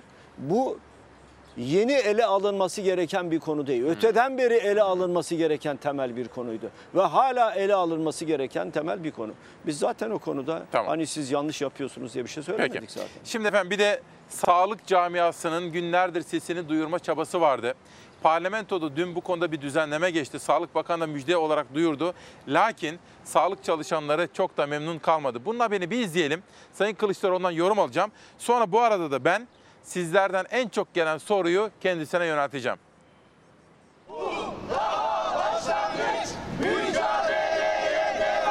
Sağlık çalışanlarının mali haklarının iyileştirilmesi amacının ağırlık teşkil ettiği 12 maddeli kanun teklifi dün ve bugünkü Türkiye Büyük Millet Meclisi Genel Kurulu'nda sunulduğu şekliyle kabul edildi. Gözümüz aydın. Sağlık meslek örgütleri tepki göstermiş yeterli bulmamıştı. Sağlık Bakanı Fahrettin Koca sosyal medyada gözümüz aydın diyerek duyurdu.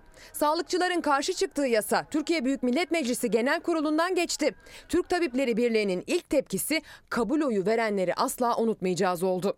Devlet hekimine haksız tazminat ödetmemek için politikasını değiştirdi. Devlet hekimini şiddetten korumak için politikasını değiştirdi. Devlet hekimine yönelik emeklilik politikasını değiştirdi. Sağlık çalışanlarının mali haklarının iyileştirilmesini içeren sağlıkla ilgili kanunlarda ve 375 sayılı kanun hükmünde değişiklik yapılmasına dair kanun teklifi Meclis Genel Kurulu'nda kabul gördü.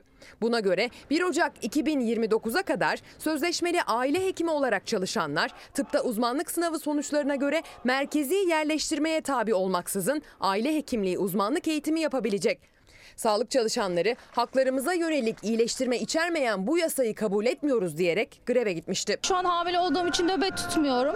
Nöbet tutmadığımız için ekstra bir mesai ücretim de olmuyor. 2000-3000 gibi bir kaybımız oluyor. Bir bebek bekliyorum ama bunun masrafının e, hesabını yaptığımızda maması bezi şu an maaşım bunu karşılayabilecek düzeyde bile değil aslında açıkçası. Yasaya göre hekim ve diş hekimlerinin memur aylık kat sayısı değiştirildi. Her ay emekli aylıklarına ilave ödeme yapılacağı duyuruldu.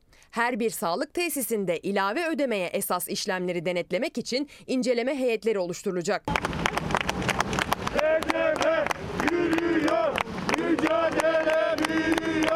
Hizmet sunum şartları ve kriterleri, personelin ünvanı, görevi, disiplin durumu, çalışma şartları ve süresi hizmete katkısı, performansı, ameliyat, anestezi, girişimsel işlemler, riskli bölümlerde çalışma gibi unsurlar dikkate alınmak suretiyle ek ödemenin oranını bakanlık belirleyecek.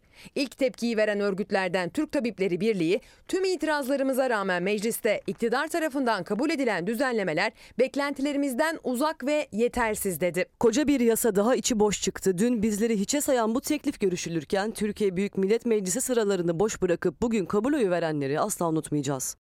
CHP lideri Kemal Kılıçdaroğlu'na soralım. Sağlıkçılar dertli efendim. Evet dertlim.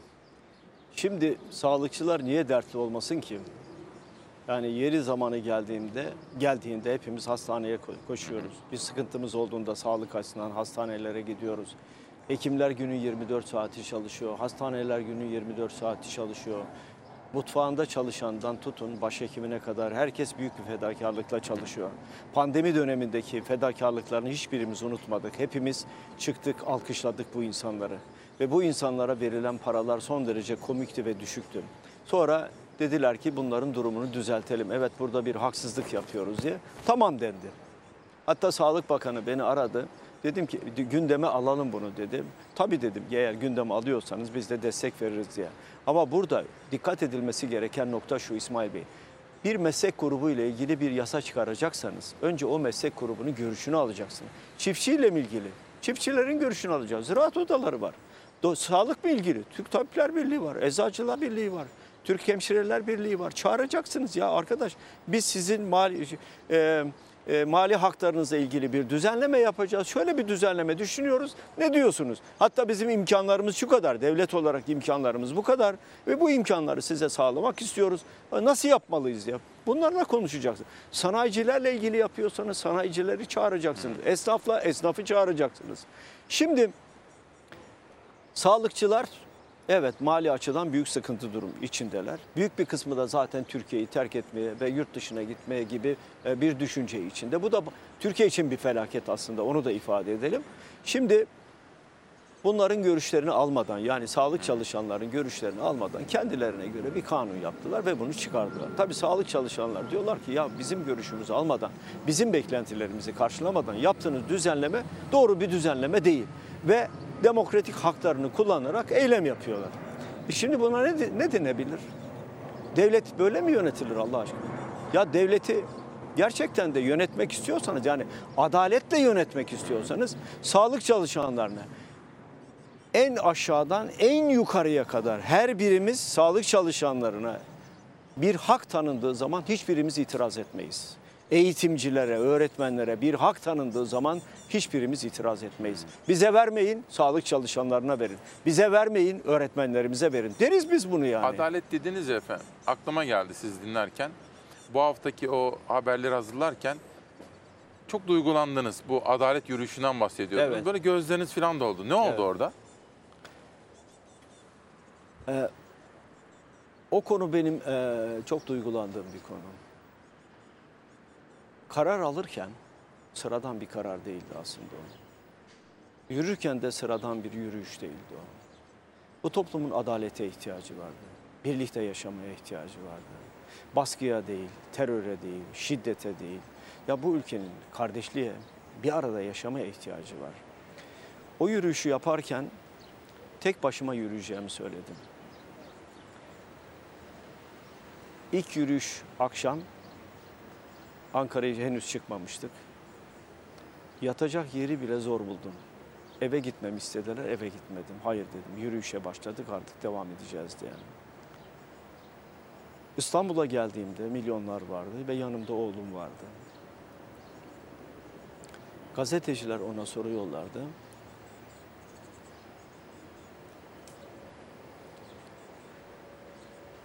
Babamla gurur duyuyorum dedi.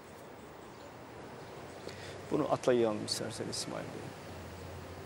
Atlayalım. Bizim kadim devlet geleneğimizde efendim hükümdarlara düşen, yöneticilere düşen bir numaralı konu adalet değil midir? Adalettir efendim. Kainat adalet üzerine inşa edilmiştir. Eğer siz adaleti yok ediyorsanız, devleti adaletle yönetmiyorsanız, bir insana haksızlık yapıyorsanız, ya burada adalet nerede diye sormaz mısınız? Şanlıurfa'da biliyorsunuz değil mi? Bir kadın sadece elinde bir kağıt adalet. Adliyenin önünde oturuyor. Şen Yaşar ailesi. İki oğlu kocası. Linç ediliyor ya. Devletin hastanesinde linç ediliyor.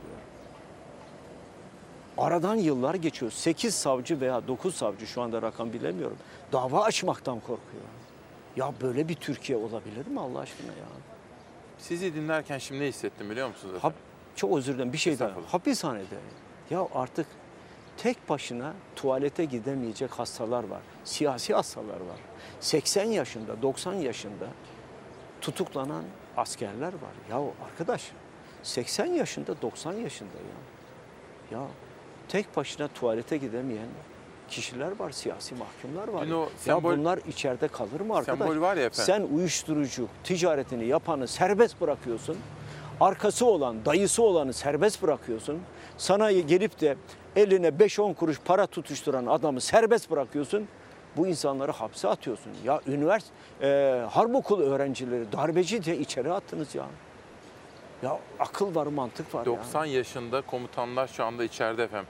Anayasa Mahkemesi'nin verecek kararı bekliyorlar. Hiç olmazsa ev hapsi diye. Evet. Bazıları Alzheimer olmuş. Bazıları yemek yemiyor. Dün Emin Çöleşen yazdı önceki. Geçen hafta Saygı Öztürk yazdı. Evet bunlar adalet midir ya? Ya şimdi siz devleti kinle öfkeyle yönetemezsiniz. Kinle öfkeyle devleti yönetirseniz iş zulme varır ve sizin adınız da zalim olarak kalır. Şu anda bir zulüm yaşıyoruz. Açık ve net ifade edin bir zulüm yaşıyoruz yani. Elinizde böyle bir adalet Pankartı. pankartı Evet. vardı. Yürüyordunuz. Ben bu yayın için hazırlanırken böyle geçmişe doğru bir baktım da ayak tırnaklarınızın söküldüğüne dair haber ve görüntüler vardı orada. Evet, evet. O yürüyüşte. Evet, evet. Vardı hala e, izlerini taşır iki e, parmağı, e, iki ayağındaki Fakat iki bir taraftan parmağında. da Sayın Bahçeli'nin ve Sayın Erdoğan'ın size yönelik en ağır eleştirileri de şurada geldiğine bir baktım. Nereden, neye kızıyorlar acaba diye. Mesela siz geçtiğimiz günlerde üst üste 2-3 gün açıklama yaptınız. Dediniz ki farklı yerlerde biri doğuda Evet. biri batıda olmak üzere. Demirtaş'ın Kavala'nın serbest kalmasını istiyorsanız Evet bize katılın. dediniz. Neden dediniz? Ne Şimdi o? şunun için karar alıyorsunuz. Daha doğrusu iddianame hazırlanıyor. Mahkeme beraat ettiriyor. Gidiyorsunuz bir yere yine mahkeme beraat ettiriyor. Anayasa Mahkemesi mahkeme beraat ediyor. Avrupa İnsan Hakları Mahkemesi serbest bırakın diyor. Siz diyorsunuz ben bunları uygulamam. Ya adalet şimdi zulmün karşısında sustunuz mu dilsiz şeytan olursunuz siz. İlla benim arkadaşım mı haksızlığa uğradığı zaman ben konuşacağım? Hayır efendim bu ülkede kim partili olsun olmasın kimliği, inancı, yaşam tarzı ne olursa olsun ya zulme uğradığı zaman insan olarak ya burada bir haksızlık var dememiz lazım. Bir yanlışlık var dememiz lazım. Alıyorsunuz mahkemeye veriyorsunuz beraat ediyor. Diğer dosyadan beraat edilen dosyayı tekrar gündeme getirip bu sefer tekrar mahkum ediyorsunuz. Hakimi değiştiriyorsunuz. Ya bu haksızlıktır yani. Ya zulümdür bu. Yanlıştır bu. Ben yanlışı dile getirmezsem, zulmü dile getirmezsem Allah aşkına yarın bana sormayacaklar mı ya kardeşim sen bu adalet yürüyüşünü niye yaptın? Sadece kendin için mi yaptın diyecekler. Siz onu sadece Enis Berberoğlu için sadece Hayır efendim ben yapmadınız. Maltepe Meydanı'nda yürüyüşü kimler için yaptığımı tek tek maddeler halinde de saydım. yani. Büyük Birlik Partisi'nin eski genel başkanı hayatını kaybeden helikopter kazasında onun için de adalet Rahmetli. yürüyüşü yaptığımı söyledim. Niçin? Onun da dava dosyası tutuluyordu bir yerlerde. Bazı güçler tutuyorlardı bir yerlerde. E siz haksızlık kime yapıldıysa karşı çıkacaksınız. Bir şey diyeceğim efendim. Şimdi seçime gidiyoruz ya biz. Yetkin Report'ta Murat Yetkin'in bir analizi aklıma geldi. Sizi Evet. şimdi dinlerken bu adalet bahsinde. Sonra Abdülkadir Selvi ve hükümete yakın bazı kalemlerin başka yazıları da aklıma geldi. Şimdi Evet. şöyle özetlemeye çalışayım. Yorumunuzu rica edeceğim. Murat Yetkin diyor ki Demirtaş üzerinden değil de bu hak, hukuk, adalet Evet. arayışları terörist başı Öcalan üzerinden ağırlıklı yürütülüyor. Bir. Evet. Buna ilişkin analizler yapıyor Murat Yetkin. Bugün de çok gündem oldu. Hatta şu anda trend topik Abdülkadir Selvi ki zaman zaman görüştüğünüz de bir isim. Hükümete yakın ama sizin de birkaç kere Bir konuş- dönem. bir dönem Bir görüştüğünüz dönem, bir isim. evet. O da diyor ki Öcalan'a görüş izni verilebilir diyor. Hükümete yakın televizyonlarda son zamanlarda da hükümet seçime giden süreçte bir çözüm süreci başlatabilir diyor. Görüşüyorlar zaten. Kimle? İktidar görüşüyor zaten. Kiminle? Öcalan'la görüşüyorlar. Bilmeyen mi var Allah aşkına? Hayır açık görüş filan da böyle Hayır, hayır, imkanlar da. diğerlerine ayrı. Yani şu anda kendi aralarında o görüşmeler yapılıyor zaten. Biz biliyoruz bu görüşmelerin yapıldığını. Acaba Kürtlerin oyunu nasıl alabiliriz? Seçime gidiyoruz ya. Kürtlerin oyunu nasıl alabiliriz? Ya Kürtler o kadar akılsız mı Allah aşkına? Yapılan zulmü görmüyorlar mı? Haksızlığı görmüyorlar mı? Yanlışı görmüyorlar mı?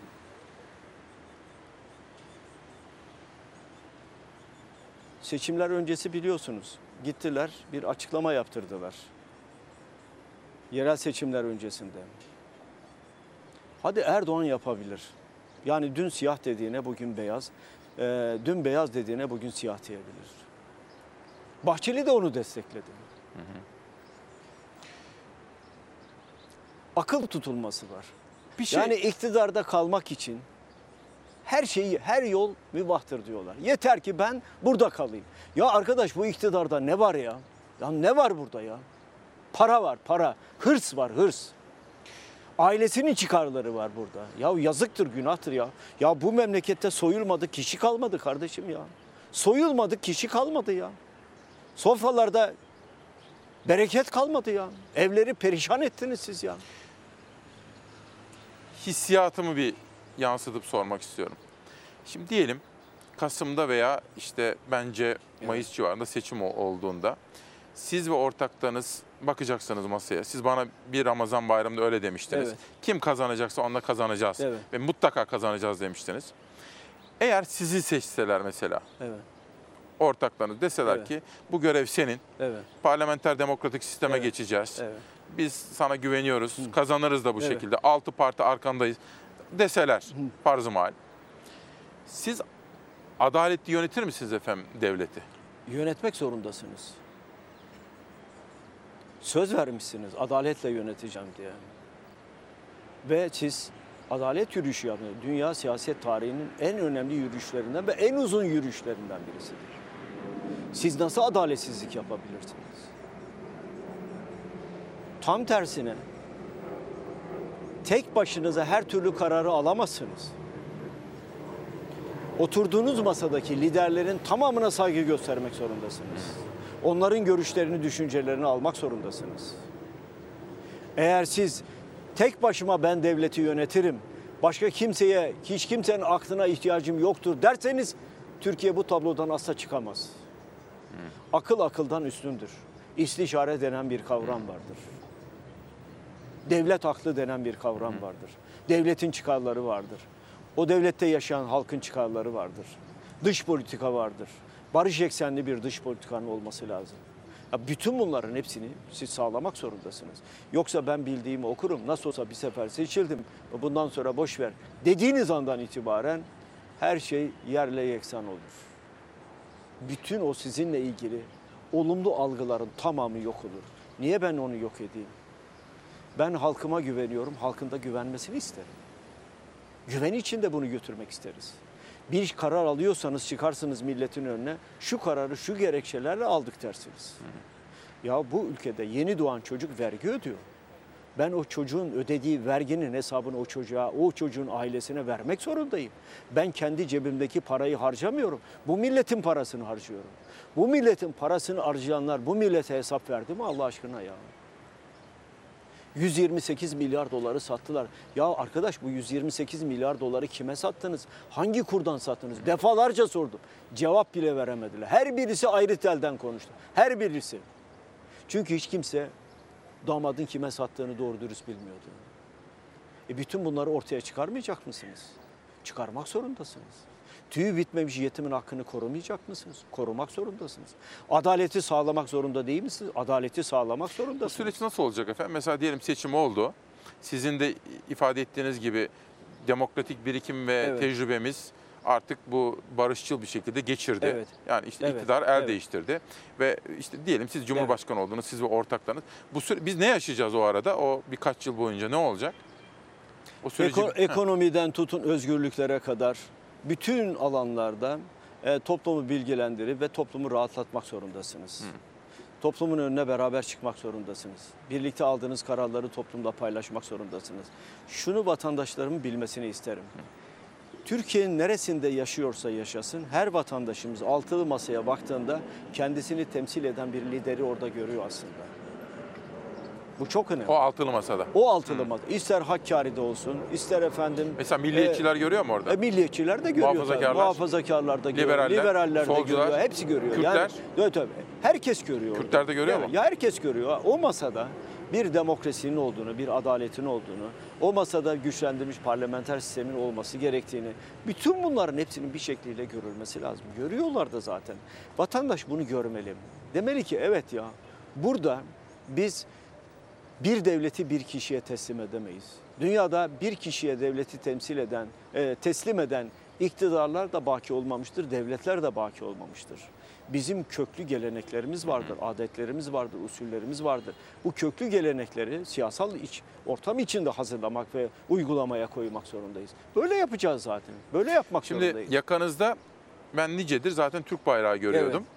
eskiden altı oklu CHP rozeti Evet. olurdu. Şimdi yok. Arkadaşlar ısrar ediyorlar e, Türk bayrağı tak diye. Olur dedim takalım. E, takmak da bizim için şeref Peki tabii. olur da altı partili masadan siz çıkarsanız ve halkımız sizi seçerse o zaman siz rozet falan olmayacak değil mi? Evet. Türk bayrağı olacak sadece.